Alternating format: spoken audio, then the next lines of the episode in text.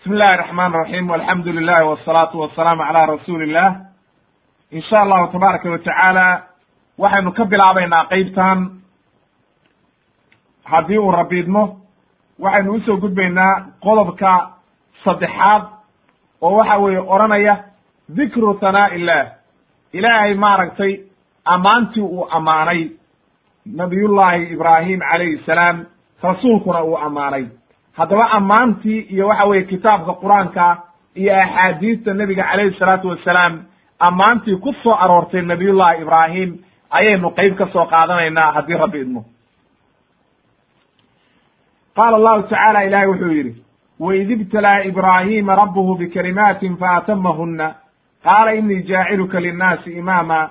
Qaala wa min duriyati qaala laa yanaalu cahdi alظaalimiin wuxuu leeyahay ibnu kahiir raximahullah lama wafaa maa amarahu bihi rabbuhu ilaahay markii wixii la amray markuu oofiyey oo uu la yimid oo uu ka soo baxay wax alla wixii ilaahay uu amray oo waxa weeye uu noqday nin waxa weeye fuliyey wixii ilaahay uu amray oo dhan ayaa ilaahay markaa wuxuu ugu ballan qaaday arrintan aad iyo aad u cajiibka ayaa ilaahay ugu abaalguday jacalahu linnaasi imaaman imaam lagu daydo oo la raaco oo dariiqiisii la maro ayuu ilaahay uga dhigay.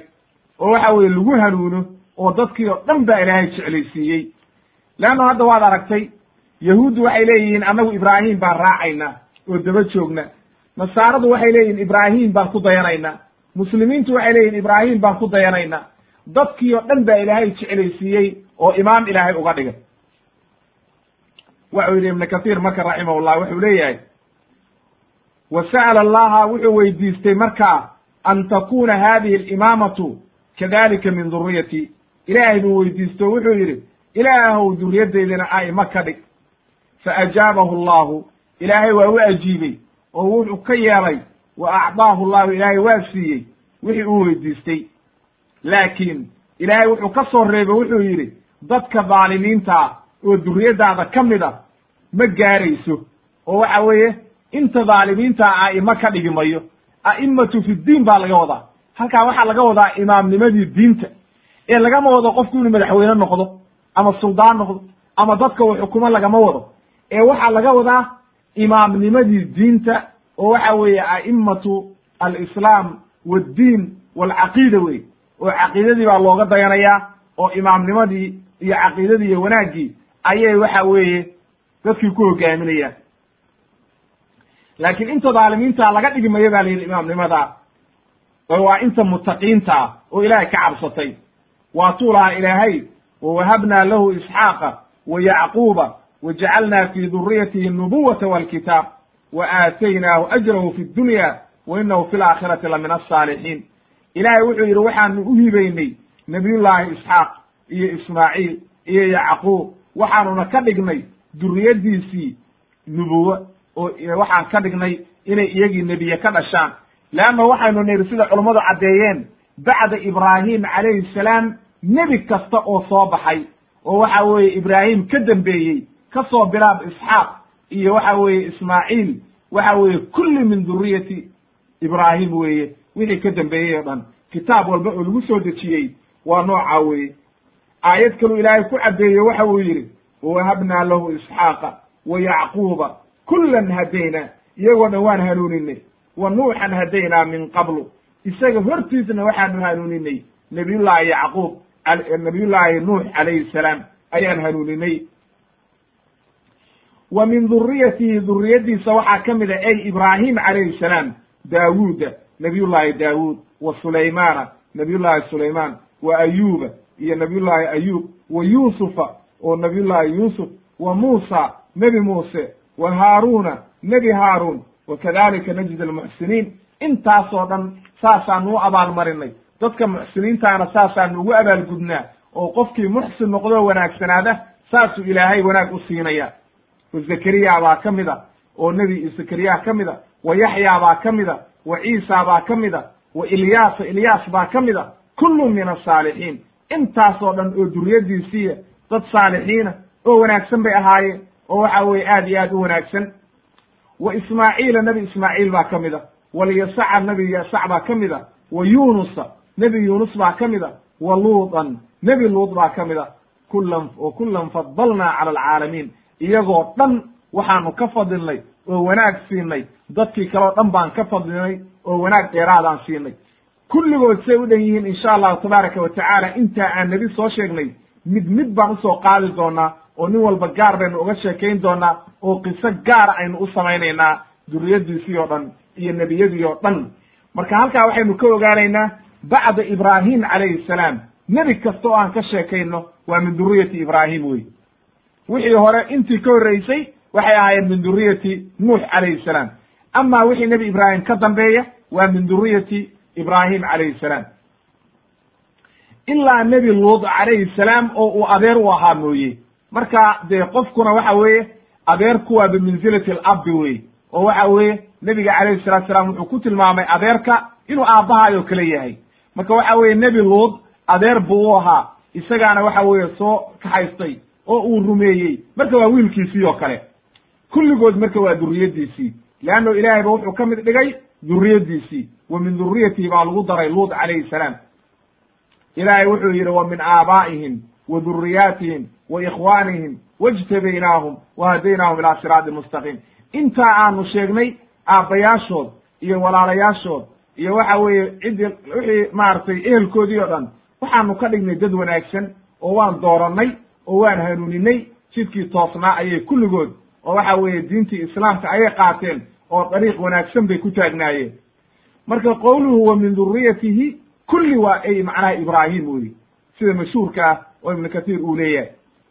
Qaala ibnu kathiir wuxuu yidhi raximahullah fa kullu kitaabin kitaab walba oo waxa weeye unzila min asamaa samada laga soo dejiyey calaa nebiyi min alambiyaa nebi wuu doona ha noqdee nebiyadii nebi ka mida lagu soo dejiyey bacda ibraahim nebiyullahi ibraahim ka bacdi fa min duriyatihi waa duriyaddiisi nebi buu doona ha noqdee ama reer banu israa'iil ha noqdo ama nebi ismaaciil ha ka farcamee waa min duriyati ibraahim calayhi salaam weyi halkaa marka waa faa'ido muhiima waa in saa loo ogaado nebi ibraahim wixii nebiga oo ka dambeeyey waa duriyaddiisii waa inaynu ogaanaa oo waxa weye saa aynu ku qaadano wey waxa uu yidhi marka ibnu kathiir raximahullah wa haadihi martabatun caaliya. Waxa weeye martabad aad iyo aad u sarraysa boos qaaliya wey ilaahay maadaama uu waxa weeye kulli saa ugu abaalguday nimankii laakiin la dagaalamayey oo shirkiga samaynayey aabbihii ugu horreeyey iyo waxa weeye cid alla ciddii waxa weeye shirkiga ku jirtay iyagiina waa la baabi'iyey. Wax raada oo ka harayna ma jiraan. Nebiyullaahi ibraahimna ilaahay saas ugu abaalguday oo raadkiisii iyo cirib dambeedkiisii saasuu ilaahay ka dhigay. Marka qof walbo ilaahay ka cabsada dariiqa xaqaa mara ilaahay saasuu wanaag ku siinaya leanno ilaahay wuxuu leeyahay wakadalika najzi almuxsiniin. Dadka muxsiniinta ilaahay ka cabsaday saasaan ku abaalmarinaa waxaa marka halkaa ka caddaatay wuxuu yidhi ibnu kathiir raximahullah wadalika annahu wulida lahu waladaan laba wiil buu nabiyullaahi ibraahim dhalay ismaaciil oo haajara ay u dhashay iyo isxaaq oo ay saara u dhashay. Waxa wuxuu dhalay baa la yidhi marka isxaaq yacquub calayhi salaam wa huwa israa'iil. Ninka israa'iil la yidhaahdo ayaa waxa weeye yacquub waa nabiyullaahi yacquub weye israa'iil. Marka israa'iil waa addoonkii ilaahay oo luuqadii cibraaniyada oo waxa weeye israa'iil ay ku hadli jireen waxa weye waxaa laga wadaa ba la yidhi cabdullahi. Waxa weeye waa addoonkii ilaahay baa laga wadaa israa'iil. Marka waa yacquub wey marka yacquub calayhi salaam ayaa wuxuu dhalay laba iyo toban wiil oo nabiyullaahi yuusuf uu ka mid ahaa. Way farcameen laba iyo tobankiiba laba iyo toban qabiil bay u kala baxeen reer banu israa'iil. Waa nimanka la yidhahdo al asbaab oo waxa weeye labiyo tobankii wiil oo nebiyullaahi yacquub dhalay ayay ku wada abtirsadaan. Kulligood say u dhan yihiin. Waxay ka soo jeedaan nebiyullaahi ibraahim leannahu yacquub waxaa dhalay isxaaq isxaaqna nebiyullahi ibraahim baa dhalay. Marka laba iyo tobankaa reer banu israa'iil ka farcameen oo wiilashii yacquub ah calayhi salaam ayay ka farcameen reer banu israa'iil. Nebiye aad u badan baa ka soo baxay kuwaa ilaahay inoo sheegay daawuud iyo zakariya iyo yaxya iyo muusa iyo way badnaayeen oo aad bay u badnaayeen. Waxaa lagu khatimay marka oo ugu dambeeyey nabiyullaahi ciisa calayhi salaam leanna hooyadiisa reer bani israa'iil ahayd isagaa lagu khatimay marka. Cid garanaysa ma jirto inta ay tiro la-eg yihiin laa yaclamuhu ila allah. Ilaahay baa garanaya. Laakiin inta kitaabka lainooga sheekeeyey iyo waxa weye ilaahay kitaabka inoogu sheegay ama sunnaha nebiga ku sugnaatay un baynu ka sheekaynaynaaye. Cid garanaysa intay tiro la ekaayeen ma jirto weyi oo ilaah baa garanaya oo cadadkoodu intay la ekaayeen laa yaclamuhu ila allah. Amaa nabiyullaahi ismaaciil calayhi salaam hal nebi baa duriyaddiisii laga helay? Wa huwa khatimu alambiyaa nabiyuna muxamedin sala allahu calayhi wasalam iyagu carab bay noqdeen oo waxa weeye waatay la dhaqmeen qabiilkii jurhum oo waxa weeye deganaa maka soo degey ayay dhex galeen. Halkaa ayuu ku farcamay oo quraysh iyaa ka soo jeeda. Nimankaa carabta ah oo dhan ayaa nabiyullahi ismaaciil maanta ka soo jeeda. Oo waxa weeye nebi kale lagama helin duriyaddiisii ilaa waxa weeye nebi maxamed calayhi salaatu wassalaam oo waxa weeye isagana lagu khatimay wa huwa afdalu alambiyaa waa nebiyada ninkii ugu wanaagsanaa waatuu nebigu yidhi calayhi salaatu wasalaam xadiis saxiixa ana sayidu waladi aadam anaa abuu yidhi boqorka iyo sayidka ninka ugu fiican duriyaddii nebi aadan uu dhalay yowma alqiyaama maalinta yowma alqiyaama walaa fakra faanna maaha taas. Ee waa manzile ilaahay uu isiiyey wanaag ilaahay isiiyey weeye. Ma aha inaan ku faamayo oo aan leeyahay waa faan oo waxa weye aan ku faamayo ma aha. Leanna waxa weye faan nebigu uma baahna oo ma doonayo. Laakin waxa weeye ilaahay baa isiiyey wey xadiidkaa marka wuxuu nebigu ku sii daro wuxuu yidhi wa biyadii liwaau lxamdi walaa fakr maalinta yowma alqiyaamaha calankii mahadda anaa gacanta ku haya buu yidhi faana ma aha. Wamaa min nebiyin yowmaid maalintaas oo waxa weeye aakhiro la taagan yahay oo qiyaamaha la taagan yahay nebi aadam laga soo bilaabo ilaa iyo nebiyadii oo kale oo dhan ilaa taxta liwaa'i. Waxay taagan yihiin oo harsanayaan calankaygaa hoostiisa oo anaa meeshaa madax ka ah oo waxa weeye calankii gacanta ku haya wa ana awalu shaaficin. Ninka ugu horreeya oo shafaacada qaadaya waa aniga. Ninka ugu horreeya laga shafaaca aqbalaya waa aniga. Walaa fakra faana ma aha. Ee waa wax ilaahay isiiyey oo waxa weeye igu kalaameeyey imaamu axmed baa weriyey iyo tirmidi wa saxaxahu sheikh albani fi saxiix aljaamic kun iyo afar boqol lixdan iyo sideed iyo sunan tirmidi ayuu ku saxiixiyey. Haddaba halkaa waxay nooga caddaatay nebi maxamed calayhi salaatu wasalaam inuu nebi ismaaciil ka soo jeedo oo waxa weeye afdalu lambiyaa uu yahay. Amaa nebiyadii kaloo dhan waxay ka soo jeedaan nebiyullaahi isxaaq oo reer bani israa'iil ayay ka farcameen oo nebiyullaahi yacquub calayhi salaam ayay kulligood ka farcamayaan.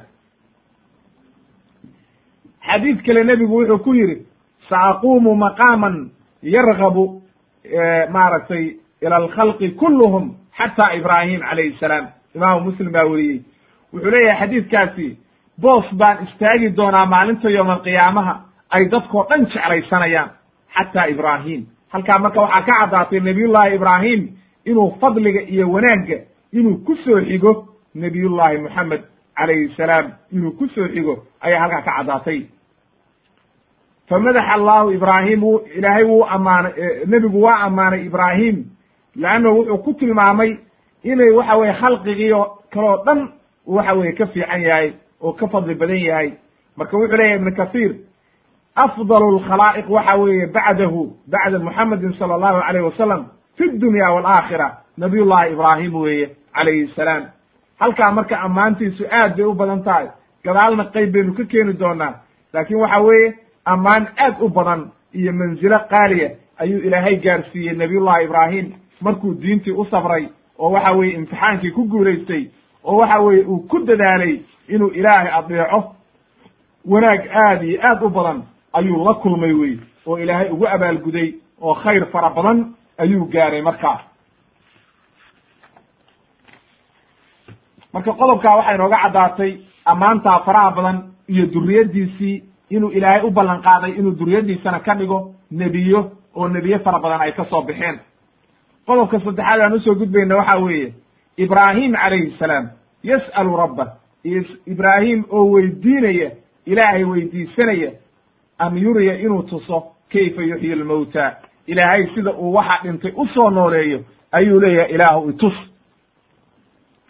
ibraahim calayhi salaam waa caqiidaysnaa ilaahay inuu waxna dilo waxna nooleeyo laakiin waxa uu rabaa inuu iimaankiisa aad iyo aad u sii weynaado oo waxa weeye iimaankiisa uu sii weyneeyo qaala tacaala ilaahay waxa uu yidhi waid qaala ibraahiimu rabbi arinii kayfa tuxyi lmowta u sheeg baa layidhi nebi maxamedow dadkaaga oo uga sheekee qisadii nebi ibraahim markuu nebi ibraahim yidhi rabbi arinii itus kayfa tuxyi lmowta sida aad meydka u noolaysid qaala awalam tu'min miyaadan rumaynin ibraahiimow oo iimaan lagaa helin qaala wuxuu yidhi bala waan rumeeyey oo waxa weye iimaankayga waa saxiix walaakin liyadma'ina qalbii waxaan rabaa qalbigayga inuu dego oo aan ku raaxaysto oo waxa weeye aan arko bal waxyaalaha qudraddaada iyo awooddaada inaan arko oo wax ka arko. Laakiin awoodo badan oo aad leedahay baan horay u soo arkay. Qudraddaadana waa aaminsanahay. Leanna ilaahay dabkiibuu ka badbaadiyey oo isagoo gowrabaa ilmo la siiyey oo dhibaato kastaa laga badbaadiyey oo waxa weye wiilkii sidaa gawrac laga badbaadiyey. Waan ogahay bu yidhi iimaan saxiixa. Laakiin waxaan rabaa liyadma'ina qalbi qalbigaydu inuu ku sii dego oo waxa weye aan ilaahu aad kuu sii jeclaado ku sii aamino. Ilahay waa ka aqbalay marka. Leanna waa khaliil raxmaan weye ilaahay waa jecel yahay. Markaasaa ilaahay ka aqbalo waxaa lagu yidhi fakud arbacata min adayri afar shimbirood soo qaada baa layihi soo qabo. Oo waxa weeye markaa intaad soo qabatid googooyo dil. Uma ijcal calaa kuli jabalin minhuna juz'an. Kala kaxee baa la yidhi marka. Xubin walba intaad googoysid waxaa ka tuurtaa buur. Oo buuraha dushooda qaybba mid saar oo waxa weeye intaad jartid oo googoysid buur walba waxaad saartaa shimbirtii qayb ka mida uma adcuhunna u yeer markaa kabacdi oo waxaad dhahdaa shimbirihii u dhawaaq way kuu imaanayaan markaa ya'tiinaka sacya iyagoo ordayay kuu imaanayaan. Soo ma aad rabin wax noo wax dhintay in la soo nooleeyo. Afar shimbirood intaad dishid baa la yidhi.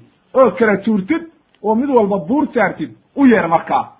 Kabacdi waxaad arki doontaa iyagoo yaacaya oo soo kala tartamaya oo kuu yimid oo waxa weeye nool baad arkaysaa. Halkaa marka markuu arkay nabiyullahi ibraahim calayhi salaam oo waxa weeye uu arkay ayaa ilaahay wuxuu ku yidhi waclam ana allaha casiizun xakiim.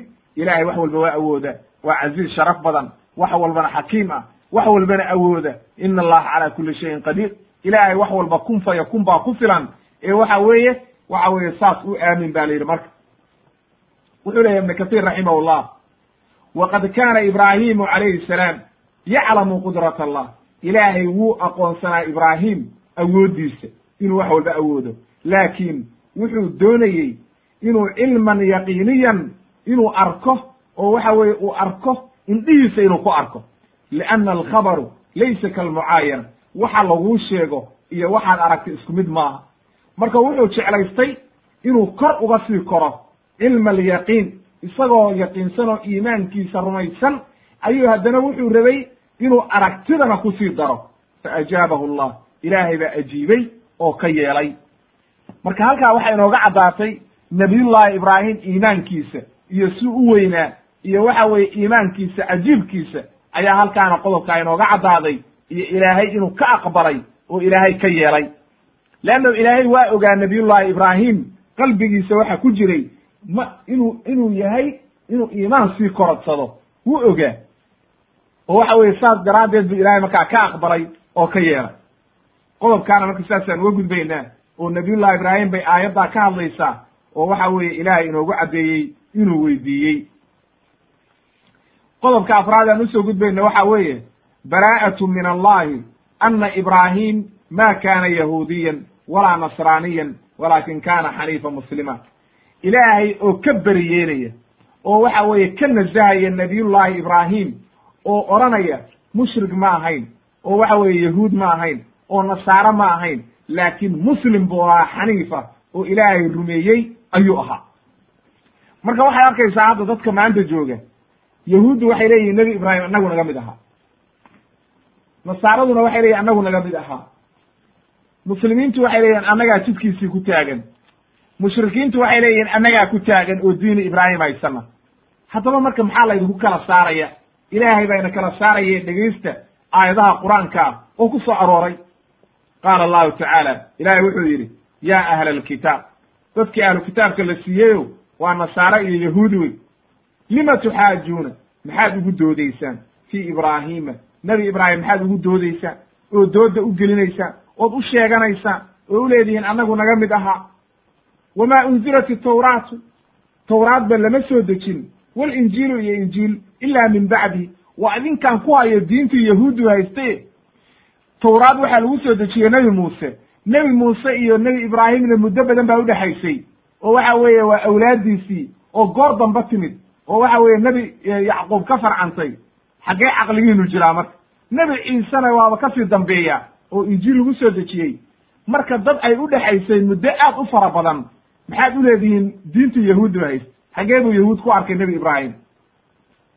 Afalaa tacqiluun? War midaan caqli ahayn ba lihi ha antum haaulaa'i xaajajtum fi ma lakum bihi cilmun? Falima tuxaajuuna fi ma laysa lakum bihi cilm? Nebi ciise iyo nebi muuse iyo qisadii waxa weeye nebi yuusuf iyo reer banu israa'iil iyo waxaad rabtaan waad ka doodi kartaan. Leannahu waxaad cilmi uleedihiin waad sheegi kartaan. Oo waad ka doodi kartaan laakiin nebi ibraahim calayhi salaam oo waxa weeye aan yahuudi soo gaarin oo waxa weeye ka dambaysay waxoo dhan inaad maanta ka doodaan oo taraadaan nebi ibraahim baa yahuud ahaa caqli xuma idin tahay wey wallahu yaclamu ilaahay baa og wa antum laa taclamuuna waxba ma garanaysaan. Haddaba ilaahayow noo sheeg nebi ibraahim muxuu ahaa? Ilaahay wuxuu yidhi maa kaana ibraahimu yahuudiyan walaa nasraaniyan. Nebi ibraahim yahuud ma ahayn oo nasaaro ma ahayn. Oo waxa weeye yuu ahaa marka walaakin kaana xaniifan muslima. Xaniif oo waxa weeye diinta u leexday oo u iishay oo waxa weeye iimaan saxiixa laga helay oo muslim ah ayuu ahaa nebi ibraahim calayhi salaam. Wama kaana min almushrikiin halkaana quraysh baa lagu radiyey oo waxaa la yidhi mushrikna ma ahayn. Waxaan aad sheegaysaanna nebi ibraahim berigu ka ahaa oo kulli shaqo kuma lahayn. Ina owla annaasi biibraahiima laladiina itabacuuhu yaa marka dadka ugu mudan oo dariiqii xaqa ahaa oo nebi ibraahim ku taagan oo mudan in la yidhaahdo nebi ibraahim bay raacsan yihiin ilaahay wuxuu yidhi ina awla annaasi biibraahiima laladiina itabacuuhu wa hada annabiyu waladiina aamanuu wallahu waliyu lmu'miniin nebi ibraahim waxa u mudan oo waxa weeye inay raacaan mudan kuwii horay u raacay oo waxa weeye mu'miniintaada rumeeyey oo waxa weye nebi ibraahim rumeeyey sidii nebiyullahi luud oo kale iyo mu'miniintii rumaysay ayaa nebi ibraahim mudan. Waladiina wa hada annabiyu ay nebi maxamed calayhi salaatu wasalaam iyo nebi maxamed baa jidkiisii ku taagan leanno ilaahay baa yidhi an ittabic millata ibraahima xaniifa raac baa la yidhi diintii nabi ibraahim calayhi salaatu wasalaam waladiina aamanuu iyo waxa weeye kuwa ilaahay rumeeyey wallahu waliyu lmu'miniin ilaahayna kuwa mu'miniinta ayuu nebi u yahay weli u yahay oo waxa weeye uu gargaaraya oo u kaalmaynaya. Ilahay wuxuu yidhi marka qaala ibn kathir wuxuu yidhi raximahullah ilaahay wuxuu ku inkiray dadka ahlu kitaabkaa wuxuu ilaahay ku inkiray oo yahuud ahaa iyo nasaara dacwadii iyo beentii ay sheegteen. Inay waxa weeye ay yidhaahdeen nebi ibraahim ayaa naga mid ahaa oo diintooda diinteeda haystay ayaa ilaahay ku inkiray oo waxa weeye uu ku beeniyey oo waxa weeye wuxuu caddeeyey ilaahay inuu nebi ibraahim xaniif ahaa diintii ilaahay haystay oo aan shirki samaynin. Xaniif waxaa la yidhahdaa qofkaan weligii shirki samaynin oo diinta u taagan oo caqiidadiisu saxiix tahay oo dariiqii xaqa ah maraya ayaa la yidhahdaa xaniif. Oo waxa weye shirkigii oo dhan banaanka ka maray ninka ayaa la yidhahdaa xaniif. Ay maa'ilan ila alxaqi ilaa diini alxaqi u leexday oo shirkigii banaanka ka maray kaasaa la yidhahdaa xaniif walihaada qaala tacaala sidaa daraaddeed baa ilaahay waxa uu yidhi waman yargabu can millati ibraahiima ila man safiha nafsah yaa ka jeensanaya oo nacaya diintii nebi ibraahim ilaa qof naftiisu dulowday oo aan waxba kala garanaynin oo axmaqa oo waxa weye meel u socda iyo wax kala toonna kala aqoon oo safiiha mooye ma cid kale ayaa diintii nebi ibraahim nacaysa alla ila inayna cid kala nacayni oo cid nacaysa ma jirto oo qof ka jeensanaya waa qof dulloobo oo baaba'ay wey ilaahay wuxuu yidhi walaqad isdafaynaahu waan doorannay. Fi dunyaa adduunkii nebi ibraahim dadkii baan ka doorannay. Wa innahu fi laakhirati aakhirana la min asaalixiina kuwa saalixiinta ah oo wanaagsan oo jannada ilaahay gelaya oo ahlu jannaha ah ayuu ka mid yahay. Bal waxa weeye waa min a'imati ahli ljanna oo waxa weeye fi dunya iyo aakhiraba imaam ayaa ilaahay ka dhigay. Dadkaas saalixiinta ayuuna ka mid yahay oo ilaahay uu caddeeyey. Fabayana allahu ilaahay wuxuu caddeeyey marka annahu kaana xaniifan musliman walihada qaala tacaala linabiyihi nebi maxamed baa waxaa lagu yidhi waxaad ku dhahdaa ummaddan oo aad dadkaaga u sheegtaa qul haadihi sabiili. Waxaad ku dhahdaa qul inanii hadaanii rabbii ilaa siraatin mustaqiim. Ilaahay baa aniga i hanuuniyey si toosan igu riday xaqii igu leexiyey diinan qayiman diin toosan. Millata ibraahiima diintii nebi ibraahim calayhi salaam xaniifan oo waxa weeye xaniifka ahayd oo waxa weeye diintii wanaagsanayd oo shirkigii oo dhan aan shaqo ku lahayn oo waxa weeye sahalka ahayd oo caqiidada ahayd oo tawxiidka ahayd ayaa ilaahay aniga igu leexiyey oo igu hanuuniyey dheh baa lagu yidhi. Wamaa kaana min almushrikiin mushrikiintana ka mid ma ahay nebi ibraahim maxay ahayd diintii marka nebi ibraahim? Nebi maxamed waxaa lagu yidhi waxaa ku dhahdaa qul ina salaatii salaadayda wa nusukii gowracayga wa maxyaaya noloshayda wa mamaatii dhimashadayda lilaahi rabbi alcaalamiin ilahay bay usugnaa laa shariika lah shirki cid la wadaagta. Iyo waxa weye waxaasoo dhan aan samaynayo acmaasha aan samaynayo ilaahay cidna lama wadaagto. Keligiisaa leh. Wa bidalika umirtu saasaana lay amray wa ana awalu lmuslimiin muslimiinta kan ugu horreeyey oo hoggaansamaya ayaan ahay. Leanna nebi maxamed markii diinta lagu soo dejiyey isagaa ugu horreeyey islaamkii oo waxa weye dadkan islaamka ah. Amaa islaamkii hore maaha duriyaddii nebi aadan oo dhan inuu islaamka ugu horreeyo. Islaamku waa soo jiri jiray ilaa iyo nebi aadam. Laakiin diintan lagu soo dejiyey dadkii mushrikiin bay ahaayeen gaalay ahaayeen shirki bay ku jireen. Nebi ibraahim ba nebi maxamed baa ugu horreeyey. Intii diinta u hoggaansantay oo waxa weeye ilaahay u hoggaansantay ayuu ugu horreeyaa markaa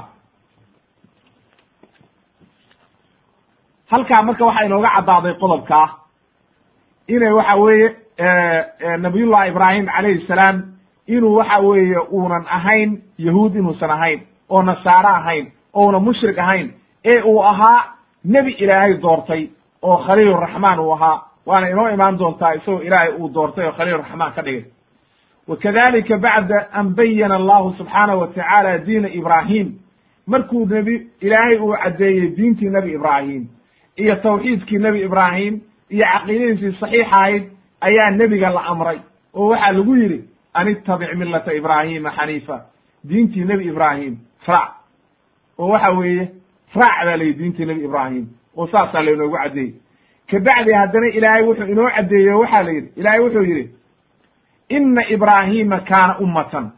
Nebi ibraahim wuxuu ahaa ummad gaar ah qaanitan. Ay macnaha keligii ayaa ummad dhan matelayey leanno mar buu keligii muslim ahaa oo waxa weye dadkiisii oo dhan gaaloobeen. Qaanitan ilaahay u taagan cibaadadiisa lilaahi ilaahay xaggi xaniifan muslima oo waxa weeye ka leexday wixii oo dhan oo shirki o dhan banaanka ka maray. Walam yakun min almushrikiin mushrikiintana ka mid ma ahayn. Shaakiran liancumi nicmada ilaahay ayuu ka shukri naqi jiray. Ijtabaahu wahadaahu ilaa siraatin mustaqiim. Ilaahay baa doortay oo jidkii ku toosiyey dariiqii saxda ahaa ilaahay baa ku toosiyey. Ilahay wuxuu yidhi marka wa aataynaahu fi dunyaa xasana. Adduunkii waan u nicmaynay oo wanaag baan siinay. Wa inahu fi laakhirati la min asaalixiin aakhirana waxa weeye dadka saalixiinta oo wanaagsan buu ka mid yahay kabacdi markaasaa nebiga waxaa loo waxyooday oo waxaa la yidhi tuma owxaynaa waxaan ku waxyoonnay ilayka adiga an ittabic millata ibraahima xaniifa diintii nebi ibraahim raac wama kaana min almushrikiin haddaba qofkii doonaya marka diintii nebi maxamed iyo diintii nebi ibraahim waa isku mid wey waa isku diin weeye see lagu raacayaa marka. Waxaa maanta lagu raaci karaa adiga oo dariiqii nebi maxamed raaca kitaabka iyo sunnaha qofkii raaca oo ku taagnaada diintii nebi ibraahim waa raacay. Arrintaa waa caddahay hadduu qofku raaco diintii nebi maxamed calayhi salaatu wasalaam waxa weeye waa isagoo diintii nebi ibraahimna raacay leanna waa isku diin wey oo waxa weeye waa diin diinu tawxiid wey waa diin ugu yeeraysa dadkii caqiido saxiixa iyo tawxiid saxiixa shirkigii ka nahiyeysa weeye. Marka sidaa daraaddeed qofkii raaca diintii nebi maxamed calayhi salaatu wasalaam ayaa maantana ku taagan diintii nebi ibraahim oo waxa weye diintii nebi ibraahim raacay wey waxaan u soo gudbaynaa markaa qodobka shanaad oo odhanaya bayaanu ana allaha ittakhada ibraahima khaliila calayhi salaam. Ilaahay inuu khaliil ka dhigtay oo uu doortay nabiyullahi ibraahim. Ayaynu qodobkaana ku caddaynaynaa iyo adilada ku soo aroortay inuu khaliiluraxmaan yahay iyo maxay tahay khaliilnimadu ayaynu qodobkaan kaga hadlayna ilaahay wuxuu inoo caddeeyey qowluhu tacaala markii uu yidhi waman axsanu diinan miman miman aslama wajhahu lilah wa huwa muxsinun watabaca milata ibraahima xaniifa. Intaasoo dhan waxaa laga wadaa nebi maxamed alayhi salaatu wasalaam watakada allahu ibraahima khaliila ayuu yihi markaa ilaahay. Macnaha yaa ka diin wanaagsan oo diinta ka wanaagsan maxay tahay? Qofka ilaahay wejigiisa u hoggaamiyey oo ilaahay raacay oo ilaahay u hoggaansamay oo waxa weeye diintii saxda ahayd raacay. Wa huwa muxsinun oo wanaag samaynaya cibaadadii ilaahay u taagan. Watabaca milata ibraahima xaniifa diintii nebi ibraahimna raacay. Waa nebi maxamed calayhi salaatu wasalaam iyo qof walba oo muslima oo dariiqii nebi maxamed raaca. Ilaahay wuxuu yidhi marka watakada allahu ilaahay waxa uu ka yeeshay ibraahima nebi ibraahim khaliila. Khaliil buu ka dhigtay. Ma hiya alkhulla marka? Khaliilnimadu maxay taha ibn kathir waxa uu yihi sidoo kale nebiga calayhi salaatu wasalaam xadiis baa ka sugnaaday uu yidhi yaa ayuha annaas dadow ina allaha ilaahay ittakhadanii wuxuu iga dhigtay khaliilan khaliil buu iga dhigtay. Kama ittakhada ibraahima khaliila. Imaamu muslim baa weriyey siduu nebi ibraahim khaliil uga dhigtay ayuu anigana khaliil iga dhigtay. Oo waxa weeye cid aan khaliil ka dhiganayo ma jirto. Marka xadiidkaa waxaa ka mid ahayd xadiis dheer oo nebigu ku yidhaha haddaan qof khaliil ka dhiganayo abubakar baa khaliil ka dhigan lahaa. Laakiin ilaahay baa khaliil iga dhigtay. Siduu nabiyullahi ibraahim khaliil uga dhigtay haddaba cidaan khaliil ka dhiganayo ma jirto wey. Wuxuu yidhi ibnu kahiir raximahullah ilaahay waxa uu sheegay qur'aanka uu ku sheegay meelo aad iyo aad u badan inuu nabiyullahi ibraahim ammaanay oo uu waxa weye aad iyo aad u ammaanay. Nebiguna waa ammaanay. Ilaa iyo waxa weeye la yidhi ee qur'aanka waxay ku soo aroortay dikrigiisa isagoo la xusayo nebi ibraahim. Ilaa iyo waxa weeye soddon iyo shan meelood ayaa nabiyullahi ibraahim qur'aanka lagu xusay ayuu yidhi ibnu kahiir raximahullah. Wa minhaa waxaa ka mid a buu yidhi shan iyo toban meelood fi suurati albaqara waxdaha. Fii suurati albaqara keliya ayaa shan iyo toban meelood lagu ammaanay oo ilaahay kaga hadlay. Wa huwa axadun ululcazmi wuxuuna ka mid yahay nimanka ululcazmiga oo waxa weeye shanta rasuul oo ululcazmiga ayuu ka mid yahay. Marka maxay tahay khaliilnimadu ilaahay waxa uu ka dhigtay khaliil meesha aynu ka khulla waxaa la yidhahdaa waa fawqa almaxaba qofku waxa aad jeceshahay waxa ugu dambeeya oo aad jeclaatid ayaa la yidhahdaa khulla oo qalbigaaga qof arrintaa ugu weyn uu yahay. Macnaha qofkaad waxa dadka ugu jeceshahay oo waxa weeye ayna suurtagal ahayn inaad qof kale ka jeclaatid khulla waa meesha ugu sarraysa maxabada. Marka wuxuu leeya ibnu kathiir ilaahay khaliil buu ka dhigtay. Meelo badan buuna kitaabka ku ammaanay waana ululcazmi buu ka mid yahay. Sidii uu ilaahay ku yidhi aayadda qur'aanka waid akhadnaa min annabiyiina miihaaqahum wa minka wa min nuuxin wa ibraahima wa muusa wa ciisa bna maryam wa ciisa bni maryam wa akhadnaa minhum miithaaqan galiida aayaddaa waxay sheegaysaa shanta nebi oo lagu sheegay oo nebi maxamed ugu horeeyo oo nebi nuux ku xigo oo nebi ibraahim ku xigo oo nebi muuse ku xigo oo nebi ciise ugu dambeeyo. Shantaa nin oo aayaddaa sheegtay waa shantii rasuul oo ilaahay diray oo ululcazmiga la yidhaahdo wey la adkeeyey oo miihaaqda adag laga qabtay oo nin walba kitaab lagu soo dejiyey oo jihaadka la amray oo waxa weeye dacwadii xooggeeda oo waxa weeye aad iyo aad dacwo xoog la galay weeye ayaa la yidhahdaa shantaa nin ululcazmi baa la yidhahdaa marka waa shantii ilaahay doortay oo rususha ka sii doortay. Aayad kale haddana sii caddaysay oo wixii la amray shantaa maxay ahaayeen? Ilaahay waxa uu yidhi nebiyadoo dhan sharaca lakum min addiini maa wasaa bihi nuuxan. Nebi maxamed baa lala hadlayaa ilaahay wuxuu idiin sharciyeeyey wixii nebi nuux loo sharciyeeyey oo loo dardaarmay. Ayaa adigana lagu dardaarmay. Waladii owxaynaa ilayk adigana saasoo kale ayaan ku waxyoonnay nebi nebi nuux marka diintii la amray caqiidadii iyo wixii la amray iyo adiga hadda waxa lagu amray iyo nebi ibraahim wixii la amray oo waxa weye waladii owxaynaa ilayk wamaa wasaynaa bihi ibraahima wa muusa wa ciisa intii naasoo dhan shantiinaba waxaan idii dardaaranay oo idii waxyoonnay maxay ahayd?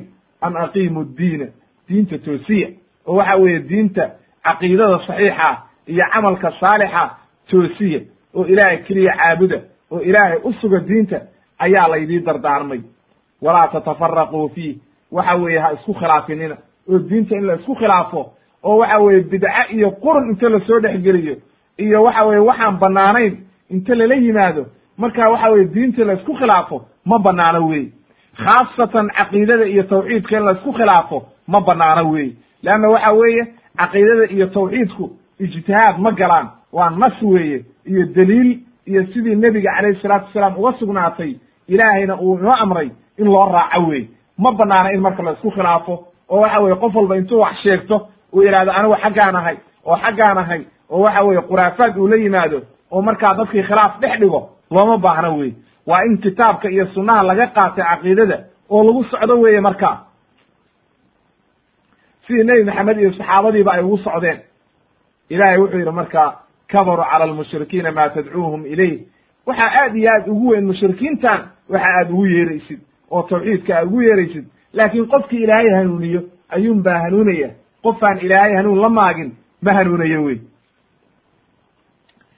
wuxuu yidhi marka ibnu kahiir raximahullah uma huwa ashrafu ululcazmi bacda muxamedin sala allahu alayh wasalam ululcazmiga shantaa ninka ugu sharaf badan oo ugu wanaagsan oo ugu fadli badan bacda muxamedin sala allahu alayh wasalam waa ibraahim calayhi salaam.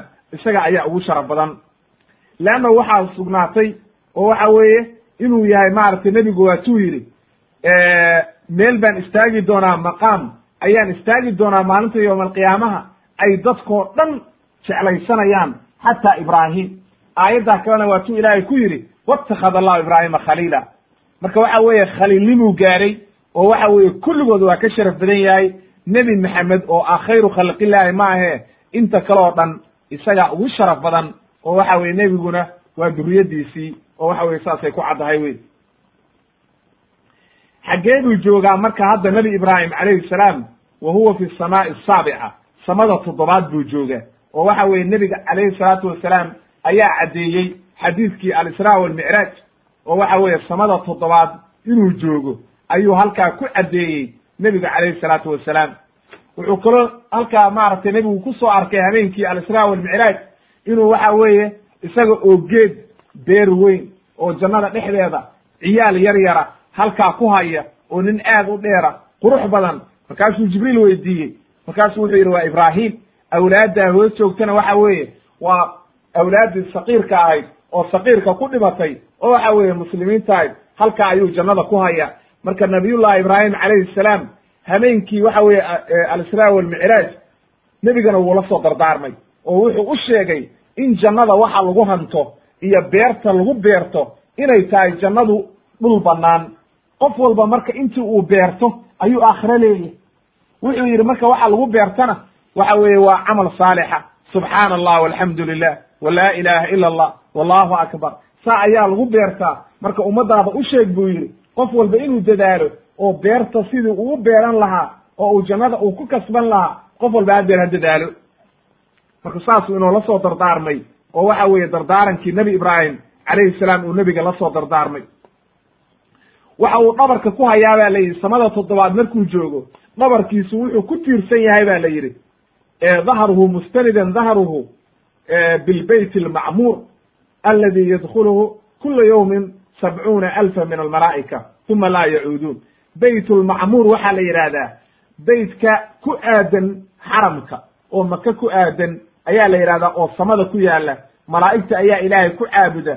Maalin walba waxaa soo gala ba la yidhi toddobaatan kun oo min almalaa'ika ayaa inta soo gala ilaahay ku caabuda oo ilaahay ugu sujuuda oo halkaa ilaahay ku caabuda uma laa yacuuduun. Weligood ma soo noqonayaan jaanis dambe uma helayaan ilaa iyo yowma alqiyaama marka khalqiga oo waxa weeye malaa'igta aad bay u fara badan yihiin. Waa dad aad iyo aad u fara badan oo malaa'igta ilaahay wuu bediyey cibaadaana ilaahay u abuuray. Marka maalin walba toddobaatan kun ayaa soo gelaysa. Marka halkaa waxaa muhiim jiddana qofku inuu ku fekero haddaad maanta diidid inaad ilaahay caabudid oo u sujuudid muxuu ilaahay kaaga baahan yahay marka? Maalin walba toddobaatan kun oo malaa'iga iyo khalqigii kale oo dhan ayaa ilaahay caabudaya oo ilaahay nasahaya oo ilaahay ammaanaya oo ilaahay u tukanaya qofkii marka maanta salaada ka tegey oo gaalooba oo salaadii ka taga hadda isagaa naftiisa halaagaye cid uu waxa weye wax u dhimayo ma jirto wey waa inuu ogaado wey waxaa kaloo ku sugnaatay waxyaalaha waxa weeye gaarka u ah nabiyullahi ibraahim inuu yahay ninka ugu horreeya oo maalinta yoomalqiyaamaha dharka la huwinayo dharka isagaa laga bilaabaya sharaf iyo wanaag ilaahay uu siiyey weye isagaa loogu hor bilaabaya. Leanna waxaa ka sugnaatay nebiga calayhi salatu salaam inuu yihi xadiidkii saxiixa bukhaari iyo muslim bukhaari iyo muslim ba wariyeen yuxsharu nnaasu. Dadka waa la soo xashrinaya waa la keenaya oo meel baa la isugu keenaya xufaatan curaatan gurla iyagoo cagacad oo xufaat cagacadoo waxa weeye lugaynaya. Curaatan qaaqaawan gurla buuryadii ka lulato oo buurya qabad oo aan gudnayn sidii hooyadi ku dhashay waatuu ilaahay aayad kale ku lahaa. Macnaha waxaan idin keenaynaa maaragtay kamaa khalaqnaakum awala mara sidii aan awal idii abuurnay ayaan maaragtay idin keenayna marka ilmaha sidii hooyadi ku dhasho hooyadi waxay dhashaa ilmaha isagoo qaawan oo cagacado buurya qaba. Sidiiba aakhirana lagu keenaya qofkiiyo weyn nin weyn oo waxa weeye buurya qaba oo aan la gudin oo aan gudnayn oo waxa weeye cagacad oo qaawan ayaa dadkii o dhan halkaa la isugu keenaya kulligood say u dhan yihiin waxaa halkaa marka ka sugnaatay inuu nebigu yidhi fa awalu man yugsaa yowm markaa ninka ugu horreeya oo dhar la huwinayo oo waxa weeye cawradiisa la asturayo ibraahim weeye calayhi salaam.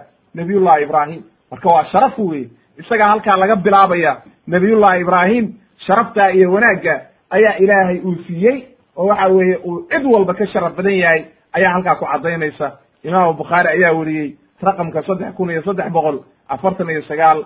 Muslimna wuxuu ku wariyey laba kun iyo boqol sagaashan iyo saddex. Waa xadiis saxiixa weeye. Halkaa marka waxaa ku sugnaatay caaisha inay tiri radiallahu canha inay tiri rasuulkii ilaahayow oo dadkii rag iyo dumarba halkaa iyagoo qaawan miyaa inta la isugu keeno ayay is eegayaan.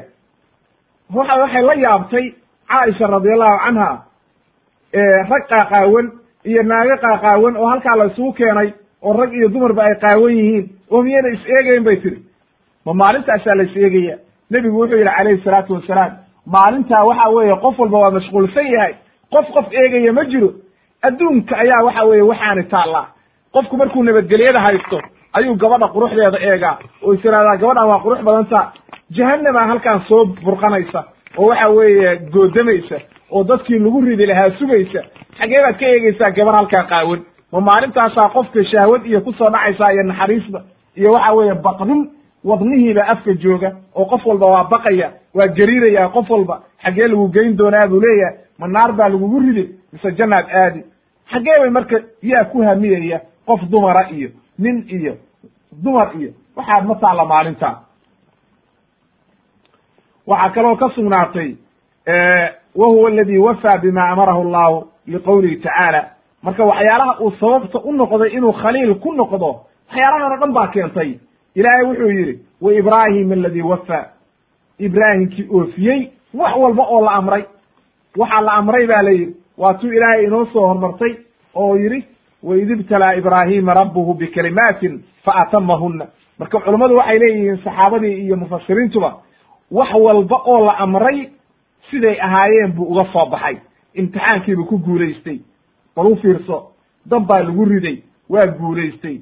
Waxau ilaahay baa u gargaaray waa la imtixaamay. Wuu ka soo baxay imtixaankii wiilkaagii gawrac baa la yidhi wuu ogolaaday. Beytkii ilaahay dhis baa la yidhi wuu dhisay. Ilmihiisii iyo reerkiisii baa la yidhi markii hore cidlo uga haajir wuu ka haajiray. Wax walba oo la amray.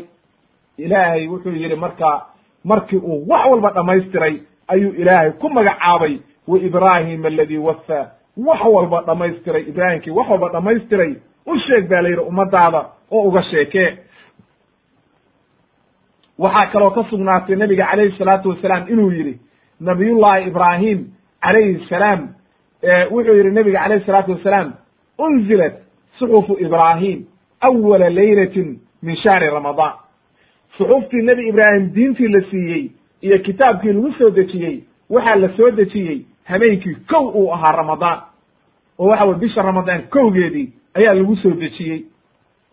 Wa unzilat itawraatu nebi muusena tawraad waxaa lagu soo dejiyey lix hameen markay ka tagtay ramadaan oo habeenkii lixaad uu tegey ayaa lagu soo dejiyey.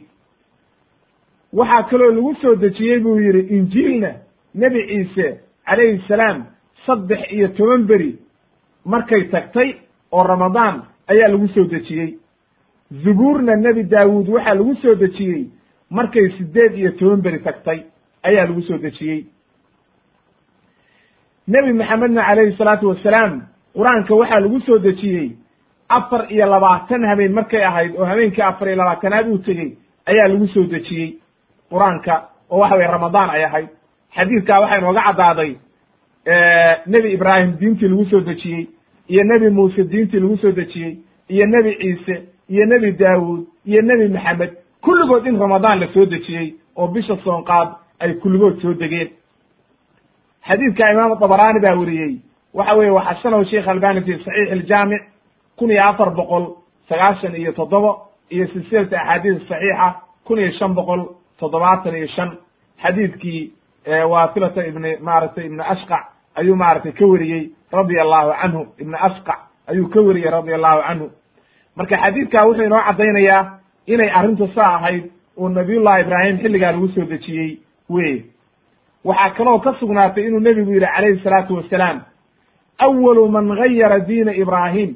Diina ibraahim ninkii bedeley oo waxa weye markii maka diintii nebi ibraahim la haystay ninkii ugu horreeyey oo bedeley oo shirkiga keenay oo sanamyada keenay wuxuu ahaa ninkii la ohan jiray camar ibn luxay ninka ayuu ahaa oo waxa weeye qabiilkaas ka dhashay abu khusaaca ayuu ahaa. Ninkaa ayaa bedelay buu yidhi diintii nebi ibraahim. Nebiguna wuxuu yidhi naartaan ku soo arkay isagoo naarta ku jira. Dabaraani baa weriyey wa saxaxu sheekh albani fi saxiix iljaamic laba kun iyo shan boqol iyo toddobaatan raqamkaa ayuu ku saxiixiyey. Halkaa marka waxay inooga caddaatay diintii nebi ibraahim calayhi salaam inuu bedelay ninkaa oo dadku iyagiyo islaama oo waxa weye diintii nebi ibraahim haysta uu shirki iyo sanamyo u keenay.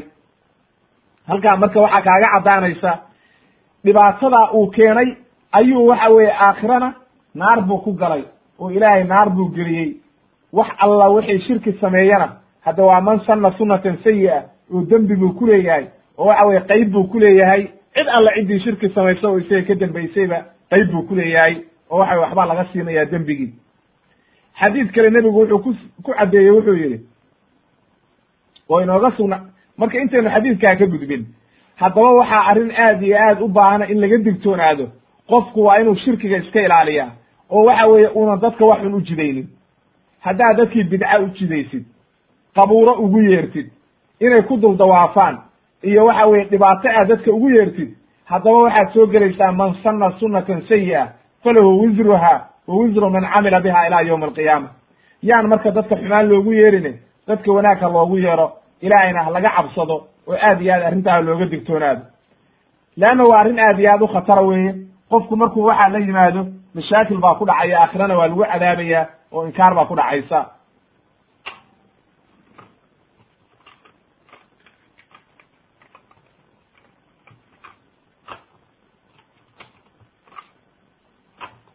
waxaa kaloo marka halkaas inooga caddaanaysa marka inaynu aad iyo aad uga digtoonaano shirkigii.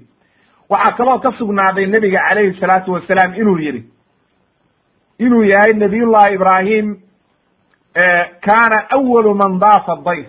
Ibraahim buu yidhi ninkii ugu horreeyey oo bilow aadmiga marti marti qaaday oo martidii dejiyey oo waxa weeye martidii hagaajiyey nabiyullahi ibraahim buu ahaa calayhi salaam wuxuu yidhi nebigu calayhi salaatu wasalaam awalu man daafa dayf ibraahim wa awalu man ikhtatana calaa ra'si thamaaniina sana ibraahim wakhtatana bilqaduum.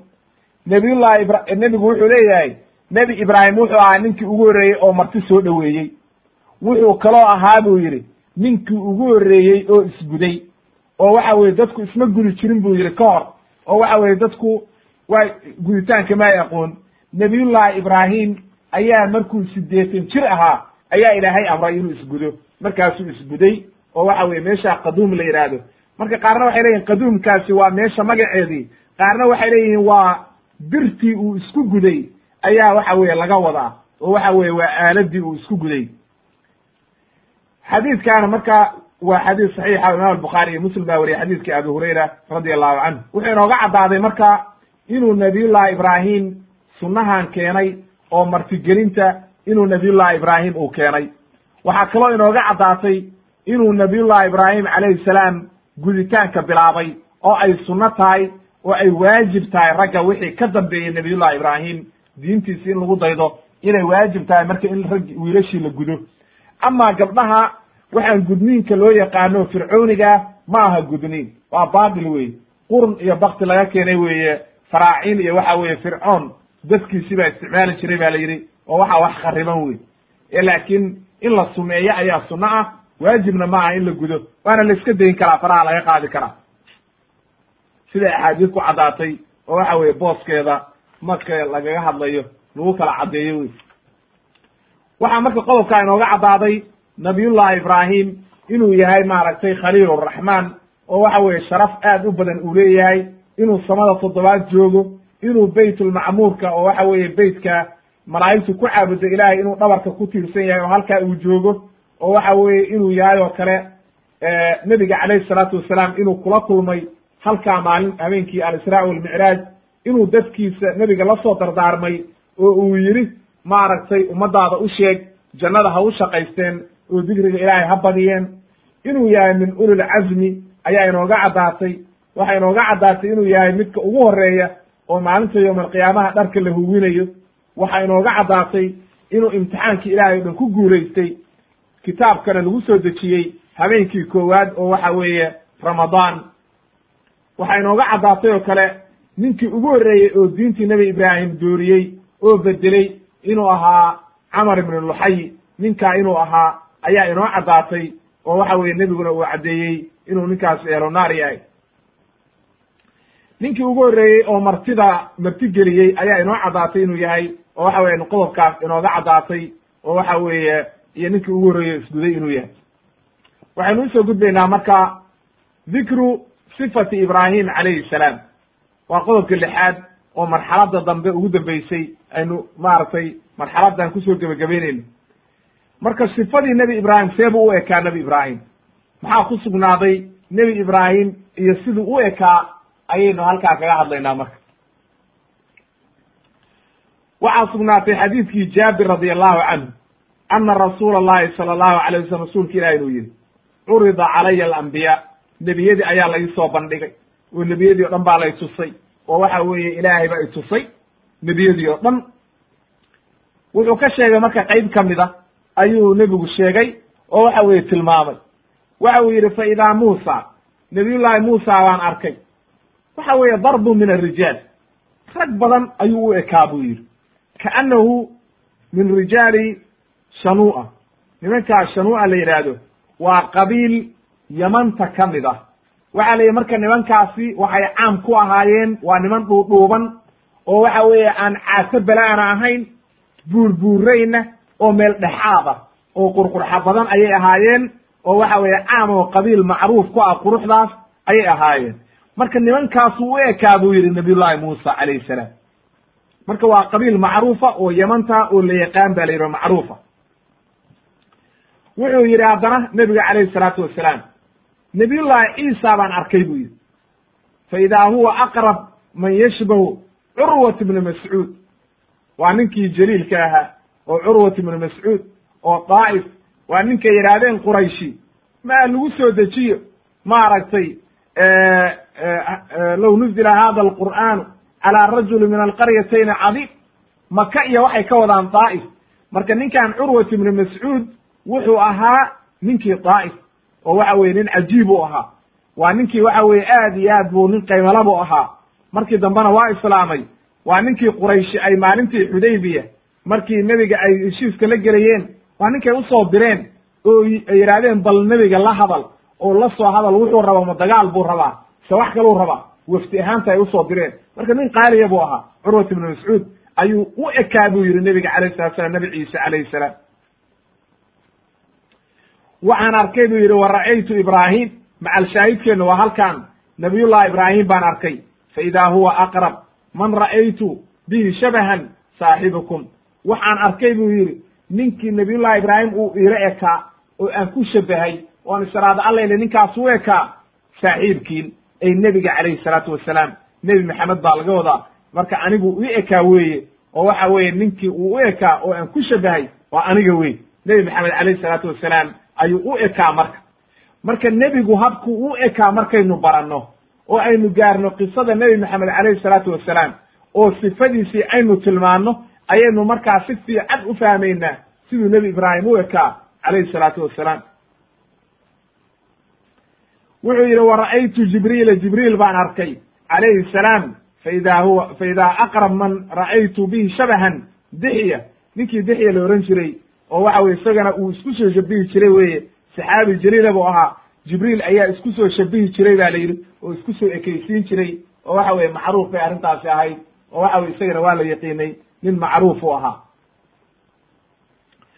wuxuu yidhi marka xadiidkaa marka waa xadiis saxiixa imaamu axmed iyo muslim baa weriyey waa xadiis saxiixa wey halkaa marka qodobkaa waxaynu ka garannay nebi ibraahim calayhi salaam inuu u ekaa nebi maxamed calayhi salaatu wasalaam leanna waa min duriyatihi leanna waxa weeye nebi ibra nebi maxamed su u socdo abtiriskiisu wuxuu galaa nebi ibraahim calayhi salaam ayuu galaa.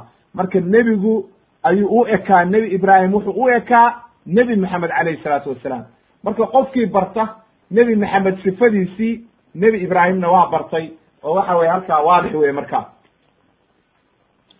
qodobka toddobaad baan u soo gudbaynaa oo ah dikru wafaati ibraahim wama qiila fi cumrihi calayhi salaam.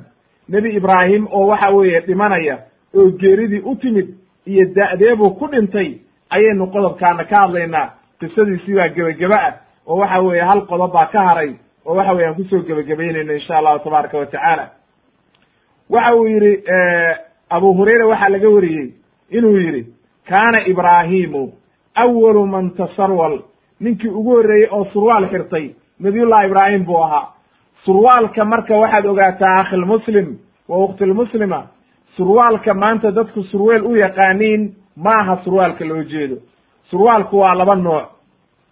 Surwaal waxaa la yidhaahdaa oo luuqadda carabiga surwaal ay ku oran jireen midkaan hadda bagastaaniyiintu qaataan oo dulaca weyn leh oo fadfaadka ah oo waasica oo hadda bagastaaniga loo yaqaan.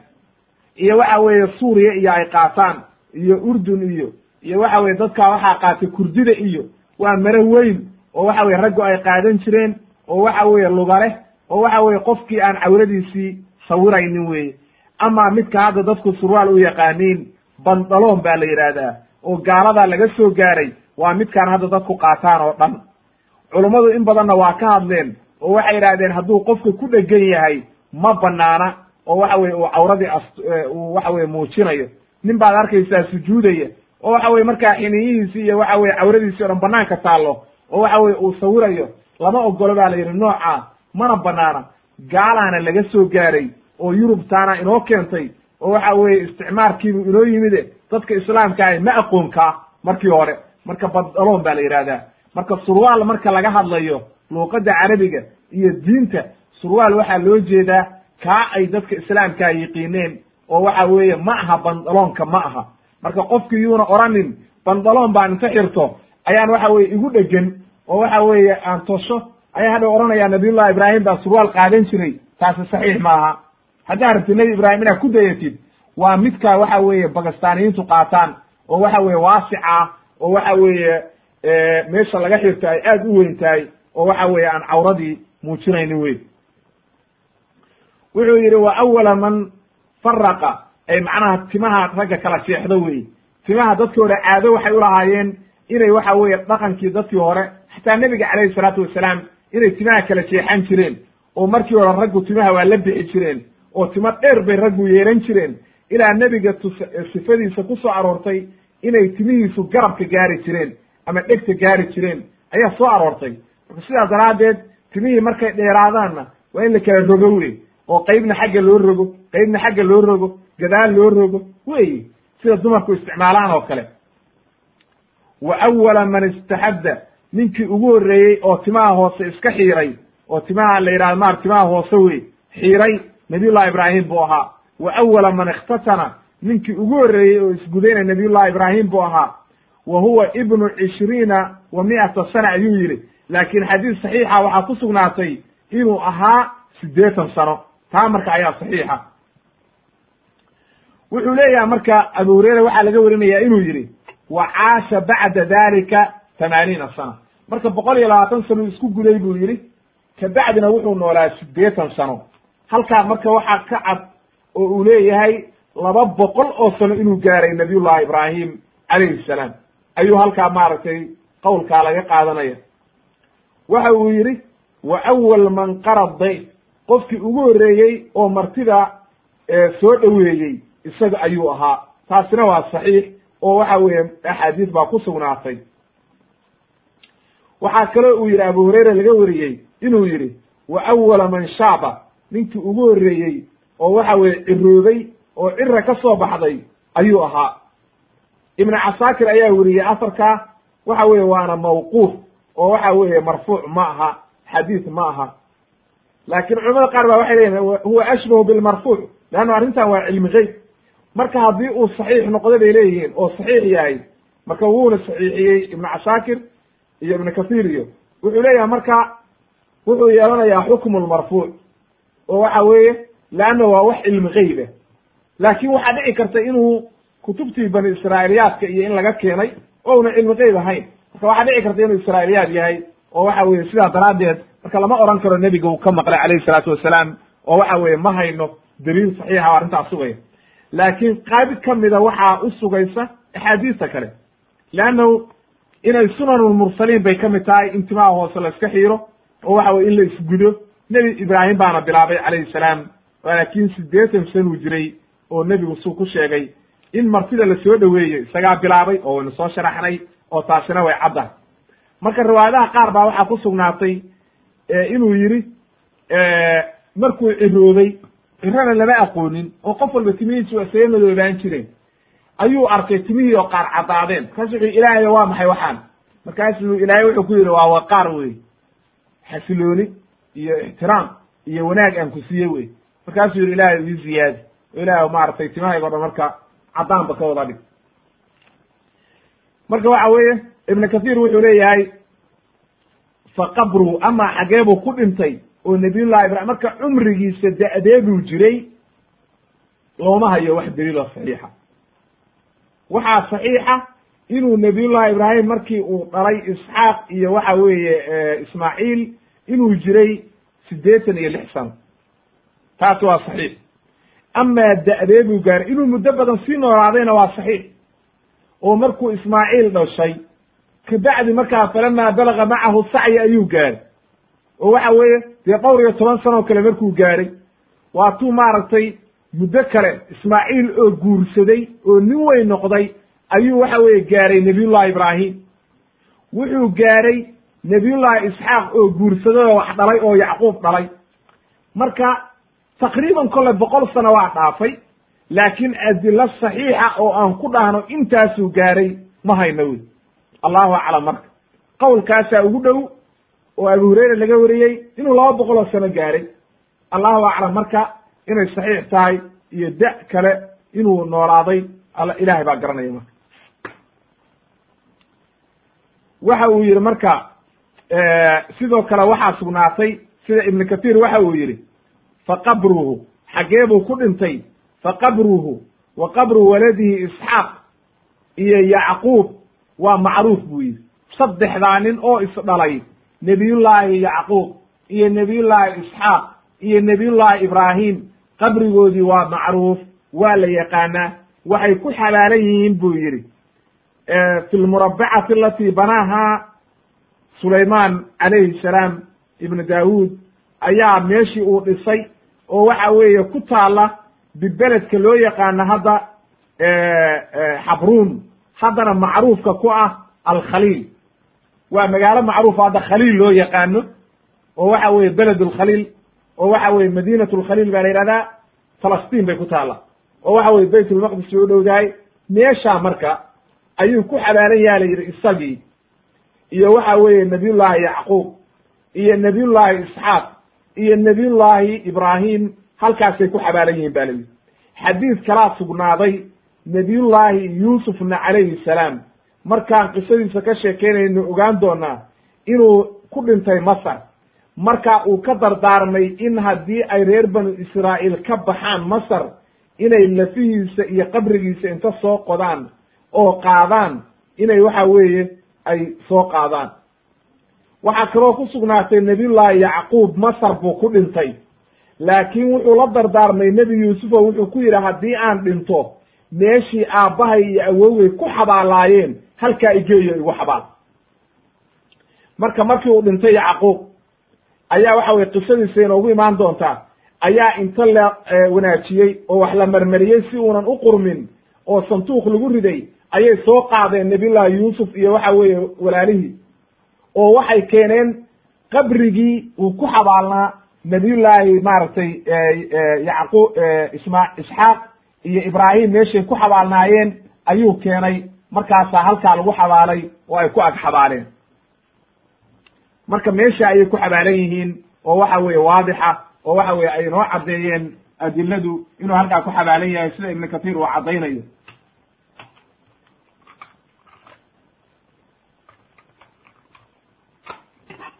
waxaynu u soo gudbaynaa marka insha allahu tabaaraka watacaala qodobka ugu dambeeya.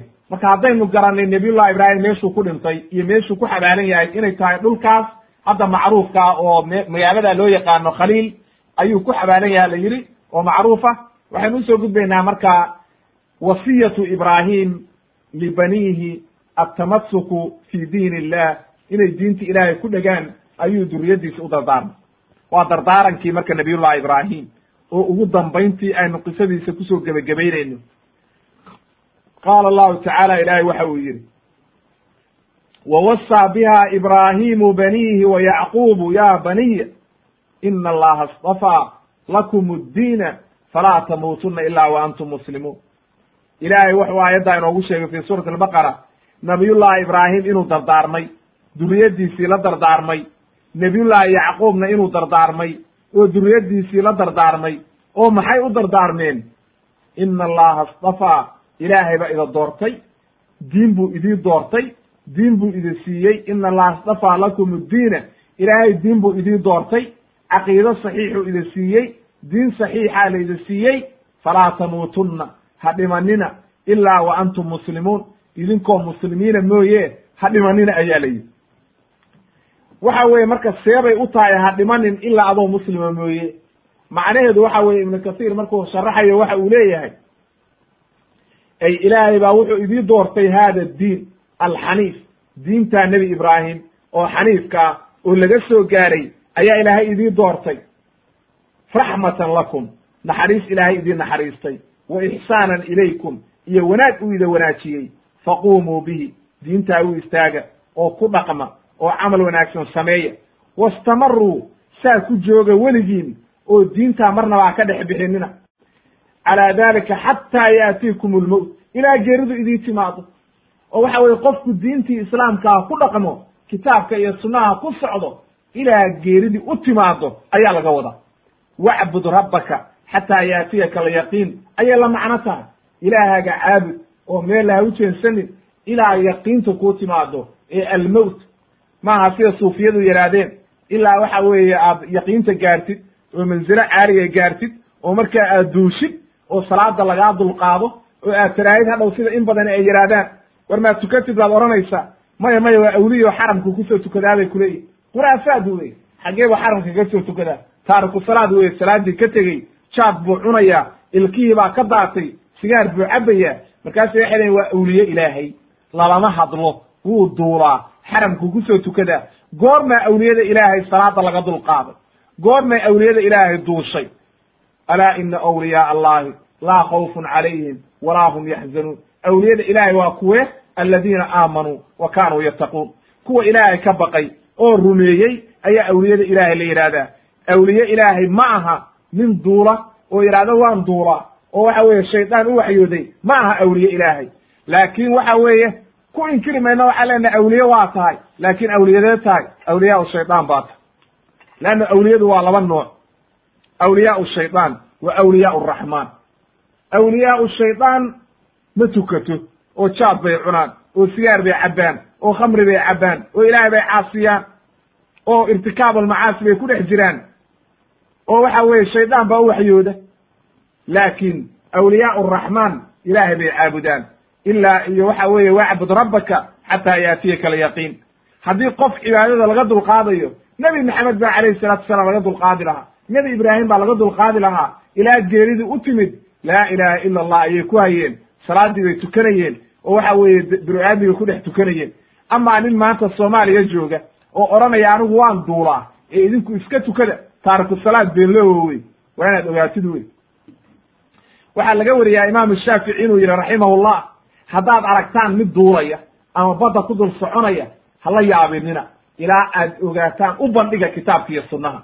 Haddaad aragtaan inuu kitaabka iyo sunnaha ku taagan yahay cibaadadii la imaanayo oo waxa weye ilaahay ka baqayo uu awliye ilaahay yahay hadda iska daaya buu yidhi marka waa karaamo ilaahay siiyey.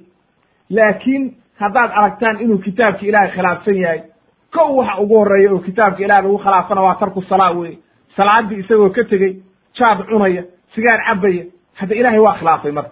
Ogaada buu yidhi shaydaan weeye iska ilaaliya. Oo waxa weeye yuu ha ku kadsoominina. Haddaba marka waxa weeye qof walba oo maanta yidhaahda awliye duulaan ahay oo waxa weye xaramkaan ku soo tukadaa beenlow baa tahay aan odhanayna. Waxaad sheegaysidna waxba kama jiraan. Kadaab baa tahay ilaahay iyo rasuulkiisaba beeniyey. Haddaad muslim tahay kaale masaajidka galoo dadka la tuko oo ilaahay ka baq. Haddaad awliye tahay kaale adigu dadka tuji. Xumaantaana banaanka ka mar jaadka iyo qurunkana iska daa ilkaha kaa dhameeyey ayaan odhanayna isagaa og marka meeshuu aadaya markaa wuxuu leeyahay marka ibn kathir raximahullah marka macnaheedu waxa weeye falaa tamuutuna ilaa wa antum muslimuun. Ay qumuu bi hada diin. Diintaa ku dhaqma. Oo waxa weeye ku socda. Oo dariiqii xaqaa ku istaaga. Oo ha ka leexanina dariiqa xaqaa xataa yaatiikum almowt ilaa geeridu idii timaado ma jirto meel qofka takliifta looga qaado. Geeridu ilaa ay ku timaado ilahay inaa caabudid weeye akhilmuslim wa ukhti lmuslima aadan kuna kadsoomin waxyaalaha dadka qurunka ay sheegayaan oo baatilkaa oo shaydaanku waxyooday. Lianna man caasha calaa shayin maata calayh qofku hadduu wax ku dhaqmo oo ku dul taagnaado oo saa ku koro oo cibaadadii uu la qabsado waa ku dhimanaya markaa islaamnimada qofkii ku koray oo ay xaqiiqo ka tahay ilaahay markaa wuxuu u keenayaa geeridii isagoo muslima ayuu dhimanayaa markaa waman maata calaa shayin bucita calayh qofkii wax ku dhintana oo sida uu ku dhintay ayaa qofka lagu soo saaraya. Nebiga calayhi salatu salam xadiis baa ka sugnaaday uu yidhi qof walba sidii uu ku dhintay ayaa aakhiro loo soo saaraya. Oo waxa weeye kiis caqiido saxiixa iyo cibaado saxiixa isagoo samaynaya dhintay sidaasaa lagu soo saaraya oo ilaahay u gargaaraya. Laakiin haddii uu dhinto isagoo waxa weeye le waan duulaa oo tukan mayo hadda waxa weye adaa og meeshaad geenaysid hadhow aakhira markaad timaadid aday kuu taallaa wey annagu laakiin ma aaminayno qof yidhaahda waan duulaa iyo qof kala toonna kitaabkaa iyo sunnaha ayaa waxa weye ina kala saaraya. Qofkii kitaabkaa iyo sunnaha ku socda waxaan leenaha awliye ilaahay baa tahay. Qofkii ilaahay iyo kitaabkaa iyo sunnaha khilaafana waxaan leenaha awliyaau shaydaan baa tahay oo shaydaan baa ku duufsaday waa inuu ogaado wey qof walba oo muslima uu ku cibro qaato wey qisatu ibraahim calayhi salaam gebagabadeedii halkaasay ku eg tahay isagoo wiilashiis ilmihiisii la dardaarmay oo yidhi diintaa ku dhaqma dardaaranki baana ilaahay innagana inoo soo gudbiyey innagana dardaarankeeni wakaa waxaa lainoo dardaarmay inaynu diintaa ku taagnaano oo diinta ilaahay aynu ku dhaqanno oo aynu marna khilaafin. Fawaa'idaynu u soo gudbaynaa marka. Waan ugu dambaysiinaynaa fawaa'idda aynu ka qaadanayno qisatu ibraahim calayhi salaam oo aad iyo aad u dheerayd oo waxa weeye aad iyo aad qiso dheer ahayd oo cajiib ahayd. Fawaa'ideeda ayaynu marka halkaan ku soo koobayna waxa ugu horraysay faa'idada koowaad ilaahay wuxuu inoo caddeeyey nabiyullahi ibraahim inuu hanuuniyey oo ilaahay doortay oo waxa weeye kamula iimaanahu iimaankiisii uu kaamil yeelay isaga oo yar weliba inuu ilaahay hanuuniyey. Walaqad aataynaa ibraahima rushdahu min qabl waatuu ilahay lahaa. Ilahay marka waa hanuuniyey nabiyullahi ibraahim ilaahay qofkuu hanuuniyena waxa weeye waa hanuunaya marka. Wuxuuna ilaahay siiyey hanuun iyo iimaan uunan cid kala siinin oo caalamkao dhan baa ilaahay ka fadlilay ilaa nebi maxamed mooye calayhi salaatu wassalaam faa'idada labaad oo aynu ka qaadanayno waxa weeye ilaahay baa doortay nabiyullahi ibraahim iyo duriyaddiisii min saa'ir alumam ayaa ilaahay ka doortay. Marka waxa weeye waa wanaag ilaahay uu la maagay oo ilaahay uu doortay wey hadda markaa qof u diidi kara ma jiro oo waxa weye ilaahay baa saa u doortay ilaahay baana ugu talagalay oo waxa weye waa nicmo ilaahay siiyey marka sidaa daraaddeed waxaa la rabaa qofku inuu ogaado inay waxaani tahay nicama min allah nicmo ilaahay uu siiyey. Marka qofkii dariiqii nebi ibraahim raaca ilaahay ha ku shugri naqo. Oo waxa weye ha ogaado inuu dariiqii nebi ibraahim ku taagan yahay. Waxa weye dariiqii nebi ibraahimna waynu caddaynay oo waa kitaabka iyo sunnaha nebi maxamed la yimid in la raaco wey dariiq kale oo waxa weye nebi ibraahim lagu raaci kara ma jiro. Oo waxa weeye inaad adigu maskaxdaada wax iskaga samaysatid oo tiraahid anigu saasaan u raacayaa nebi ibraahim ma soconayso. Faa'iidada saddexaad aynu ka qaadanayno waxa weeye qisadan waxa ilaahay inoogu caddeeyey inuu ibraahim yahay afdal alambiyaa bacda maxamedin sala allahu calayhi wasalam nebiyadii oo dhan rusushii oo dhan nebi aadam laga soo bilaabo ilaa nebi maxamed inuu ibraahim ugu fadli badan yahay nebi maxamed baa ugu fadli badan ibraahim baa ku soo xiga. Ayay inoo caddaysay qisadan oo waxa weeye fadliga iyo wanaagga dheeraadka ayuu leeyahay nebi ibraahim calayhi salaam. Waxaa kaloo inooga caddaatay oo qisadan inoo caddaysay nebi ibraahim calayhi salaam kayfa dacaa abaahu? Aabbihiiseebuu ugu yeeray dariiqadee buu isticmaalay xikmad iyo waxa weeye rifqi iyo liin yaa abati ayuu mar walba leeyahay. Haddaba waxaa la rabaa qofkii doonaya inuu waaridkiisa wanaag ugu yeero oo waaridkiisa dacwada gaarsiiyo waa inuu dariiqaa nebi ibraahim isticmaalay waa inuu isticmaalo wey ma aha inaad waaridkaa tiraahid mushrik baa tahay gaal baa tahay shirki baad samaynaysaa qabriga maxaa u dul fadhidaa? Maya. Qabriga waxaan leenahay in la tago oo waxa weye lagu dawaafo ama la baryo waa shirki. Laakiin qofka samaynaya odhan mayno mushrik baa tahay mana gaalaynayno. Ee waxaan leenahay waad khaldan tahay ilaahay ka cabso. Waxaan waa shirkiga banaanka ka mar iska daa ilaahay keliya caabud ayaan leenahay. Laakiin qofkii ma gaalaynayno mana odhanayno gaal baa tahay waa caqli xumo weeye iyo cilmo yari in qofkii la yidhahdo mushrik baa tahay. Shirki baad samaynaysaa waad gaalowday ma la odhanayo xujadaa lagu oogayaa cilmigii baa loo bayaaninaya leanno ilaahay wuxuu leeyahay waman yushaaqiq arasuula min bacdi ma tabayana lahu lhuda waytabic gayra sabiili lmu'miniin nuwallihi ma tawallaa wa nuslihi jahannam. Marka ilaahay aayaddaa wuxuu inoogu caddeeyey min bacdi ma tabayana lahu lhuda hanuunka qofka in loo caddeeyo weeye adilada inay u caddaato weeye markaasuu qofku shirkiga ka tegi karaa. Laakiin qofkii hadduuba waxaan diin u aaminsan yahay ka war ooba is leeyahay adaa saxan oo ilaahay baad ugu dhowaanaysaa ma gaaraynayno. Laakiin waa u caddaynaynaa waxaan leenahay waxaanay waxba ku tari mayaan ee ilaahay caabud oo ilaahay u soo noqo oo adducaau huwa alcibaada weeye ilaahay ka cabso ayaynu dhahaynaa waan baryaynaa waa tartiib baan ula hadlaynaa khaasatan dadka waaweyn waaridkaa si tartiiba oo wanaagsan ayaan ugu caddaynaynaa oo shirkigii uga uga nahyinaynaa laakiin ma caayayno mana ku xanaaqayno oo waxa weeye waa khalad wey qofkii raba marka dariiqii nebi ibraahim inuu raaco waa inuu noocaa sameeyo wey faa'idada shanaad oo aynu ka qaadanayno waxa weeye qisadan waxay inoo caddaysay oo waxa weeye asluubka iyo wanaagga dacwada dadka loogu yeerayo ayay inoo caddaysay. Tadaruj bay ina bartay waxba wax intay ka sahlan yihiin ayaa waxa weeye dacwada laga bilaabaya. Masalan nabiyullahi ibraahim waxa uu sameeyey markii ugu horreysay wuxuu u caddeeyey aabbihii in aynan waxaani waxba taraynin inay jamaadaad yihiin inayna waxba anfacaynin laakiin ilaahay wax ku anfacayo. Ilaahay waxa weeye uu isagu ku abuuray inuu ilaahay waxa weeye cuntada siiyo inuu ilaahay jidka toosan dadka ku rido. Siraadu jidkii toosnaa oo wanaagsanaa. Ilaahay baa kugu hanuuninaya wey cilmigii iyo wanaaggiibuu u sheegay. Kullu daalika intaasoo dhan waxay kugu bixinaysaa buu yidhi inaad aabbow iraacdid oo waxa weye aad ilaahay ka cabsatid oo dariiqi xaqaha aad yeeshid. Wuxuu ka nahiyey wuxuu yidhi aabbow shaydaan ha ka dhiganin weli oo shaydaan ha raacin ee ilaahay raac. Jidkiisii iyo dariiqii xaqa ahaa raac oo ilaahay ka cabso. Haddaba marka intaasoo dhan waxay kutusaysaa asluubka dacwada oo waxa weye laga bilaabayo. Qofka xaggee baad uga bilaabaysaa oo waxa weye goormaad waxa weye waxaan ka nahiyeysa wuxuu ka nahiyey sanamyadii o dhan. Haddana wuxuu u caddeeyey wuxuu yidhi ciqaabti ilahay baan aabbow kaaga cabsanaya. Ma uu odhan ciqaab baa kugu dhacayso waa lagu cadaabaya. Lakin wuxuu yidhi aabbo waxaan kaaga baqayaa cadaab inuu ku taabto. Oo waxa weye cadaabki ilaahay inuu kugu dhaco ayaan ka cabsanayaaye oo khayr baan kula rabaa. Xaqiiqo waxa ah qofku qofka aad u naseexaynaysid waa inuu kuu arkaa inaad isaga wanaag la rabtid. Ma aha inuu kuu arko adiga waa inaad u tustaa marka inaad qofkan aad wanaag la rabtid inuu kuu arko waa inaad ka dhaadhicisa. Leanno hadduu qofku is ihahdo qofkaani amar buu ku siinaya oo wuu ku amraya oo aduu doonaya inuu ku amro waa diidayaa wixii. Laakiin hadduu kuu arko inaad u naseexaynaysid oo waxaan ay naseexo kaa tahay ood wanaag la rabtid waxay u markaa aad iyo aad u fudud inuu qaato oo waxa weye uu kaa yeelo oo waxa weye uu qaato dacwadii midda lixaad waxa aynu ka qaadanaynaa faa'idada lixaad. Ilaahay wuxuu ina amray biitibaaci millati ibraahim. Ayaa nebi maxamedna la amray innagana layna amray. Haddaba qofkii nebi ibraahim diintiisii raacaya waa inuu raacaa oo waxa weye waxaa ka mid a dariiqatuhu fi dacwa ila allah. Qofkii dadka dacwada ugu yeeraya waa inuu tawxiidka ka bilaabo oo waxa weeye tawxiidka sugo oo diintii nebi ibraahim waxay ahayd dadka in tawxiid loogu yeero.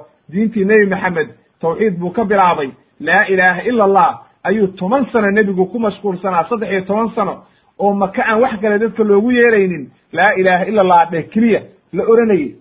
Haddaba marka waxaa la rabaa haddii aad doonaysid inaad waxa weeye diintii nebi ibraahim raacdid oo waxa weeye aad noqotid an ittabic millata ibraahima la yidhi waa inaad dadkii ugu yeertaa waxa weeye diinu tawxiid.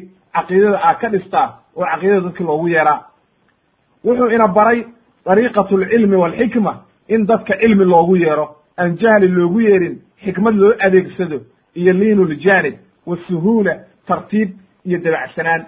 Leanna xadiis baa nebiga ka sugnaaday uu yidhi wax walba oo tartiib iyo sahal lagu sameeyana rifqi lagu sameeyo waa qurxiya. Qofka markaad tiraahdo walaalle khayr baan kula jeclahay aabbow khayr baan kula jeclahay wanaag baan kula rabaa xumaan baan kaaga digaya waxaan ka baqayaa inaad naar geshid qofkii waa dabcaya wanaag buu dareemaya. Leanno bilow aadmigu waxay jecel yihiin qofka wanaagga u sheega oo waxa weye yidhahda wanaag baan kula rabaa. Ee ma jeclo qofkii yidhaahda waxa weeye waan ku amrayaa ma jeclo bilow aadmigu marka sidaa nebi ibraahim sameeyey waa inaynu raacnaa oo dariiqiisii raacnaa oo aynu dadkii ugu yeernaa inagoo sabrayna oo xumaantii u sabrayna dhibtoodii u sabrayna oo waxa weeye mashaakilkoodii iyo waxayna yidhaahdaanba u sabrayna. Hadday qowl noqoto hadday ficil noqoto kulli u sabrayna. Oo u dembi dhaafayna oo waxa weye wixii xumaan oo dhan iska cafiyeyna ayaynu rabnaa oo waxa weeye dacwadu nooca ayay ku wanaagsan tahay faa'idada tobnaad aynu ka qaadanayno ilaahay wuxuu inoo caddeeyey ana ibraahim lama calima ana abaahu caduwun lilahi tabara'a minhu wa taraka canhu wa qowmahu markuu nabiyullahi ibraahim ka quustay qoomkiisii oo ilaahay u waxyoodo uu ogaaday cadow ilaahay inuu yahay aabihii ayuu beri ka noqday oo banaanka ka maray. Innaga laakiin maanta waxyi inoogu soo degi mayo oo waxa weye cid inoo waxyoonaysa ma jirto. Laakiin waxaanu samaynaynaa haddii ay ilaa iyo qofkaasi uu ka dhinto ka quusan mayne waa u yeerayna dacwadana waa ugu yeeraynaa ilaa iyo waxa weye inta uu ka dhimanayo kama quusanayno laakiin maalintuu dhinto hadduu baatil ku dhintay iyo waxa weeye gaalnimo maalintaasaan banaanka ka maraynaa. Dembi dhaaf ma jiro loo ducayn mayo. Leanno nebi maxamed calayhi salaatu wasalaam adeerkiis abadaalib si ugu yeerayey ugu yeerayey ilaa iyo markay geeridu haysay ayuu ku lahaa ya yaa cam qul laa ilaha ila allah. Waxaa dhahdaa keliya laa ilaha ila allah. Ilahay agta ilaahay agtiisa kelimad aan kuugu doodo oo laa ilaha ila allah dheh aan kuugu doode kelimadaasaa ku badbaadinayse. Halkaa marka waxaynu ka garannay innaga waxa weeye nebi ibraahim waa loo waxyooday oo waxaa la yidhi aabbaha waa cadow ilaahay banaanka ka mar. Laakiin innaga cid inoo waxyoonaysa ma jirto. Sidaa daraaddeed ka hari mayno oo waxa weye inagu ilaa uu qofku dhinto xaqaynu ugu yeerayna. Laakiin hanuunka ilaah baa garanaya iyo markuu soo hanuunayo waxaa kaloo inooga caddaatay qisadan ilahay inoo caddeeyey faa'idada sideedaad inuu ibraahim la dooday waxa weeye qoomkiisii oo waxa weeye munaadaratun cilmiya wa caqliya wuxuu u bana u caddeeyey oo u soo bandhigay inayna xidigahani waxba tari karin. Haddana qoraxdii inayna waxba tari karin dayixii waxba tari karin haddana qoraxdii waxba tari karin. Kulli inay yihiin makhluuq ilaahay abuurtay. Haddaba waxaa la rabaa qofku markuu dadka dacwada ugu yeerayo adiladii iyo caqligii inuu isugu daro. Oo waxa weeye uu marna tuso adilada iyo aayadaha qur'aanka iyo tawxiidka iyo waxa weye axaadiista iyo ciqaabta ka ratimaysa arrintan. Marna uu tuso caqliyan oo wanaagga uu tuso oo waxa weeye uu aad iyo aad ugu caddeeyo sida caqliga keenayo inay waxaani ayna sax ahayn. Waxaa kaloo inooga caddaatay faa'idada sagaalaad. Nabiyullaahi ibraahim markii naarta lagu riday ilaahay wuxuu inoo caddeeyey inuu ilaahay uga dhigay berdan wa salaaman. Ayna wax dhibaataa gaarin ilaahay baana ka badbaadiyey haddaba dadka caqiidaysan awliya ka badbaadisay waa baatila ha ogaadeen ilaahay baa badbaadiyey sheekh cabdiqajilaanina ma badbaadin leanna manaaqibkaa waxaa ku jirta ba la yidhi inuu maaragtay uu leeyahay maaragtay anaa ka badbaadiyey maalintii nabiyullahi ibraahim anaa naartii ka badbaadiyey ayay munaaqibka ku qoreen ba la yidhi waxaasina waa baatil weeye hadday sugnaato anigu ma akriyin mana aqaan laakin dad baa sheegay hadday marka sugnaato waa baatil weye nabiyullaahi ibraahim ilaahay baa badbaadiyey oo naartii ka badbaadiyey oo yidhi kunii bardan wa salaaman cala ibraahim qofkii beeniye waa ku gaaloobaya waa inuu ogaado. Waxaan faa'idada tobnaad waxaynu ka faa'ideynaa bayaanu shari taqliid alaabaa dhibaatada ay leedahay aabbayaasha in la taqliidiyo iyo awowayaashii leannahu meel walba waxay ku leeyihiin bal wajadnaa aabaa'ana kadalika yafcaluun. Macnaha kuwaani waxba ma taraan waxna ma taraan nama maqlaan waxba ma sheegi karaan. Waxay noo qabtaan ma jirto. Aabbayaashii baan ka soo gaarnay. Intaa keliya sallamuu marka waxay u u sallimeen oo u ogolaadeen annaha laa tasmacu walaa tanfacu walaa taduru wa inama alxaamilu licibaadatihm ila iqtidaa'un biaslaafihim wax kale kuma xambaarin inay caabudaan inay aabbayaashood ku daydaan mooye. Haddaba ha la iska ilaaliyo sharka iyo dhibaatada ay leedahay taqliid alaabaa oo diinta hala barto yaan taqliid jahli naftaada ha uga raali noqonin akhi lmuslima wakti lmuslima ee diinta ilaahay baro. Wuxuu kaloo aynu ka faa'ideynaa koob iyo toban inuu nabiyullahi ibraahim uu burburiyey sanamyadii naftiisana uu biimeeyey. Leanna waxa weye markuu sanamyadii burburiyey hadda in la dilayo oo dhibaato lagu samaynayo ayuu u diyaar garoobay. Qofka muslimkaa marka waxaa la rabaa haddii xigmaddu ay la gasho inuu naftiisa biimeeyo oo waxa weeye kelimatulxaqi waatuu ku magacaabay nebiga calayhi salaatu wasalaam cinda suldaani iljaa'ir nin jaa'ira oo dhaalima inaad agtiisa ka dhahdid kelimatulxaqi inay tahay min acla darajaat shuhadada mansilada ugu sarraysa. Waxaynu kaloo ka faa'ideynaa inuu ibraahim la dooday ninkii dhaalimka ahaa xikmad iyo cilmina kula dooday oo waxa weeye sheegtay rububiyada oo uu caddeeyey inuu baatil yahay wuxuu kala garanayana ayna jirin caqligiisi caqli xumaantiisii uu caddeeyey oo yidhi orod qoraxda halkaa ka soo saar haddaad wax awoodid oo markaa waxba awoodi kari waayey. Waxaynu ka faa'ideynaa qowmu ibraahim markay ka caajiseen oo nabiyullahi ibraahim ay waxa weeye ka caajiseen inay waxa weeye ay awood samayn kari waayeen oo xujadii uu ka badiyey inay awood isticmaaleen. Dad kasta oo dhaalimiinana waa nooca. Markii xujada laga badiyo iyo adilada iyo diinta ayay awoodda ku ordaan iraha waa ku gubaynaa marka waa ku dilaynaa waa ku xiraynaa waa ku musaafirinaynaa marka waa sunnatu ibliis wey qofka maanta samaynaya macno male horey baa lagaaga horreeyey oo ibliis iyo waxa weeye shayaadiin oo dhan iyo waxa weye gaal oo dhan baa horey u soo samaysay. Waxaynu kaloo ka faa'ideynaa nabiyullahi ibraahim markuu qoomkiisii ka haajiray oo ilaahay darti uga tegey oo uunan carruur lahayn ayaa ilaahay carruur siiyey oo ilaahay u barwaaqeeyey oo wuxuu wey u hibeeyey maaragtay awlaad ilaahayna awlaaddiisii oo dhan wuxuu ka dhigay maaragtay duriyo oo waxa weeye wuxuu yeelay nebiyo ayuu ilaahay ka yeelay duriyaddiisii wuxuu ugu bishaareeyey bighulaamin xaliim wa huwa ismaaciil calayhi salaam. Haddana markaasuu wuxuu amray inuu gowraco oo lagu imtixaamay. Markaasuu imtixaankiina ka soo baxay oo u dulqaatay. Marka bal akhil muslim u fiirso wa ukhtilmuslima ilmahaaga maanta caawa waxa yidhi hadduu xanuunsado uma dulqaadan kadid adoo dhan waa soo jeedaysa hadda meel baad ku ordaysa dawe u raadi dhakhtar gee la la tacaal. Bal ka warran haddii lagu yidhahdo wiilkaaga gowra oo midi mari waa arrin aad iyo aad imtixaana oo khatara haddaba ilaahay laga cabsado oo waxa weeye yeenan awlaaddu ina fidnaynin oo waxa weye awlaadda yaan fitan loo gelin iyo gaalnimo iyo waxa weeye macaasi yaan awlaadda daraaddeed loo gelin. Oo ha la ogaado in la dhimanayo hadhowna ay aakhira waxba ku taraynin haddii waxa weeye aan camalkaagu ku badbaadin faa'idada shan iyo toban aan ka soo qaadanayno waxaa inoo caddaatay halkaa sabriga iyo wanaagga uu lahaa nabiyullahi ismaaciil iyo caziimadii nabiyullahi ibraahim go'aankii uu qaatay oo ahaa waxa weye wiilkiisa inuu gowraco. Marka qisatu ibraahim markaynu ka sheekeynayno qisatu ismaaciil calayhi salaam ayaynu ku kala dhigdhigaynaa halkaa oo ku caddaynaynaa sabirkiisii iyo wanaaggiisii iyo suu aabihii u adeecay iyo wanaagga uu la yimid. Ninkii maanta uu yidhahdo aabihii waa ku gowracayaa hadda wuxu war naga timi gawrici maysida laakiin maanta laga yeeli mayo. Leanno nabiyullahi ibraahim waxyi bay ahayd. Laakiin nin maanta jooga haddii uu yidhahdo waa riyooday oo wiilkaygaan gawracaya waxaa leeyahay waa beenta shaydaan baa ku waxyooday ee ilaahay kuma waxyoonin. Leanno hadda xukum laga qaadan mayo ru'yada. Waxaa kaloo inooga caddaatay nabiyullahi ibraahim calayhi salaam markii uu ogo doonay inuu gowraco wiilkiisii oo amarkii ilaahay uu doonay inuu oofiyo oo u hoggaansamay ayaa ilaahay wuxuu ku furtay nabiyullahi ismaaciil. Waxa weeye d wankii bidabxin cadiim ayaa ilaahay ku furtay. Marka waa baatil waxa maanta ay sameeyaan oo guryaha la suranayo.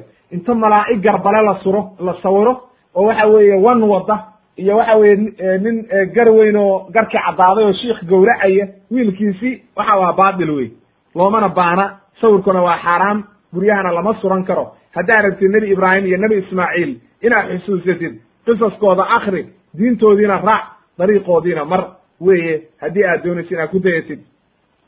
Waxaa inooga caddaatay toddobiiyo toban faa'idada ah inuu nabiyullahi ibraahim kacbada dhisay oo waxa weye biamri min allah ilaahay baa amray oo u waxyooday ayuu saa ku dhisay markaa ilaahay baana u waxyooday.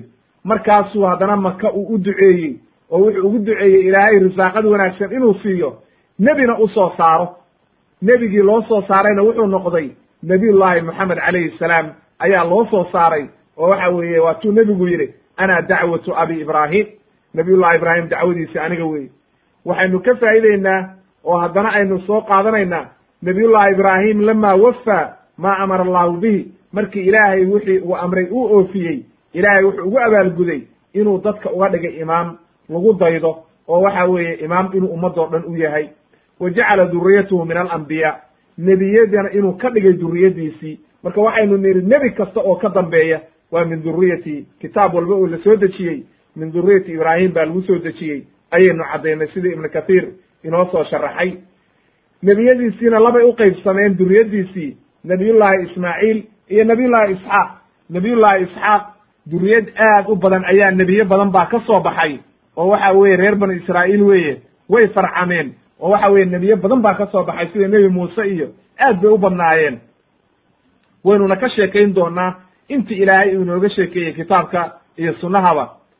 Nebi nebi ismaaciilna waxaa ka soo baxay nebi maxamed calayhi salaatu wasalaam wa huwa afdal alambiyaa wa khatimu alambiyaa nebiyadii o dhan lagu khatimay ayaa ka soo baxay oo ugu dambeeyey oo waxa weye ugu fadli badnaa. Waxaynu kaloo ka faa'ideynaa nabiyullahi ibraahim calayhi salaam ilaahay inuu ka dhigtay khaliil ilaahay inuu doortay oo khaliil ka dhigtay siduu nebi maxamedna khaliil uga dhigtay.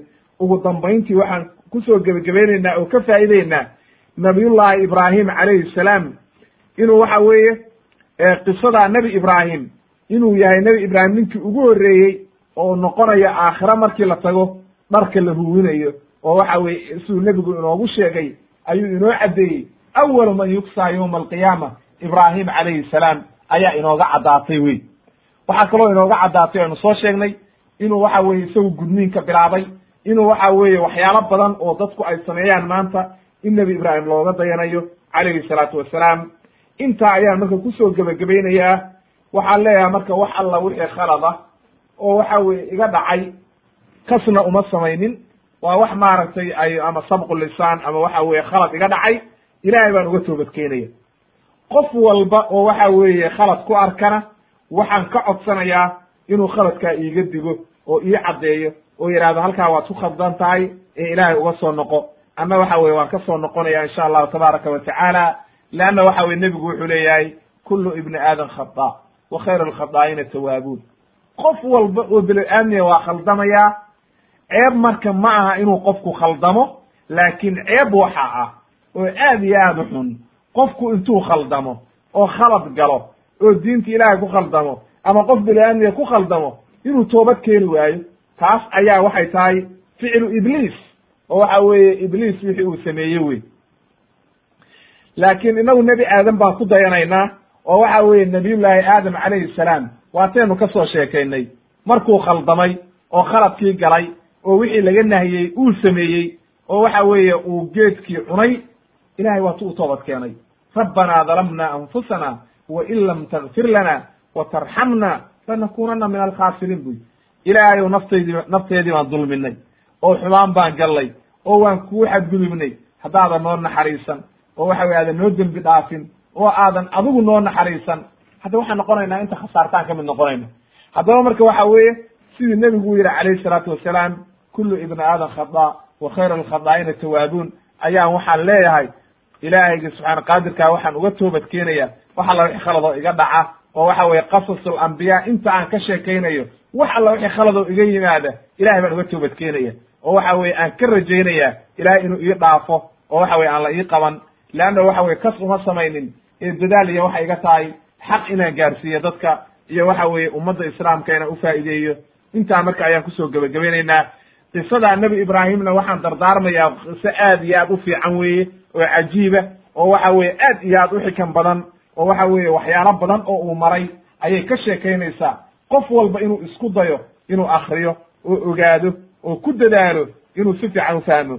Leanna waxaa dhici karta inta anigu aan ka fahmay ka badan inuu ka fahmo qofku kitaabka iyo markuu akriyo qasaska iyo waxa weeye aad iyo aad inuu uga faa'idaysto qof alla wixii qofkii cilmi ka badan ka helana ummadda ha uga faa'ideeyey oo waxa weye waa inuu dadku qof walba gaarsiiyo wuxuu awoodi kara dadka intaa marka ayaan ku soo gebagabeynaya qof walba muslimana waxaan u dardaarmaya in ilaahay laga cabsado oo waxa weeye cabsidii ilaahay ayaan u dardaarmayaa qof walba naftayda iyo dadka islaamka oo dhan siduu ilaahay u yidhi walaqad wasayna aladiina uutuu lkitaaba min qablikum waiyaakum an ittaqu llah idinka iyo waxa weye intiida ka horreysayba oo kutubta la siiyeyba ilaahay wuxuu inoo dardaarmay an ittaqu llah war ilaahay ka cabsada.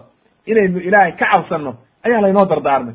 Sidaa daraaddeed marka waxaan dardaarmayaa inaynu ilaahay ka cabsanno oo cabsida ilaahay laazimno ayaan qof walba muslima u dardaarmayaa wa subxaanaka allahuma wabixamdika ashhadu an laa ilaha ila anta astakfiruka wa atuubu ilayk walxamdu lilahi rabi alcaalamiin w sala allahu cala nabiyina muxamedi wa alihi wa saxbihi ajmaciin walxamdu lilahi rabi alcaalamiin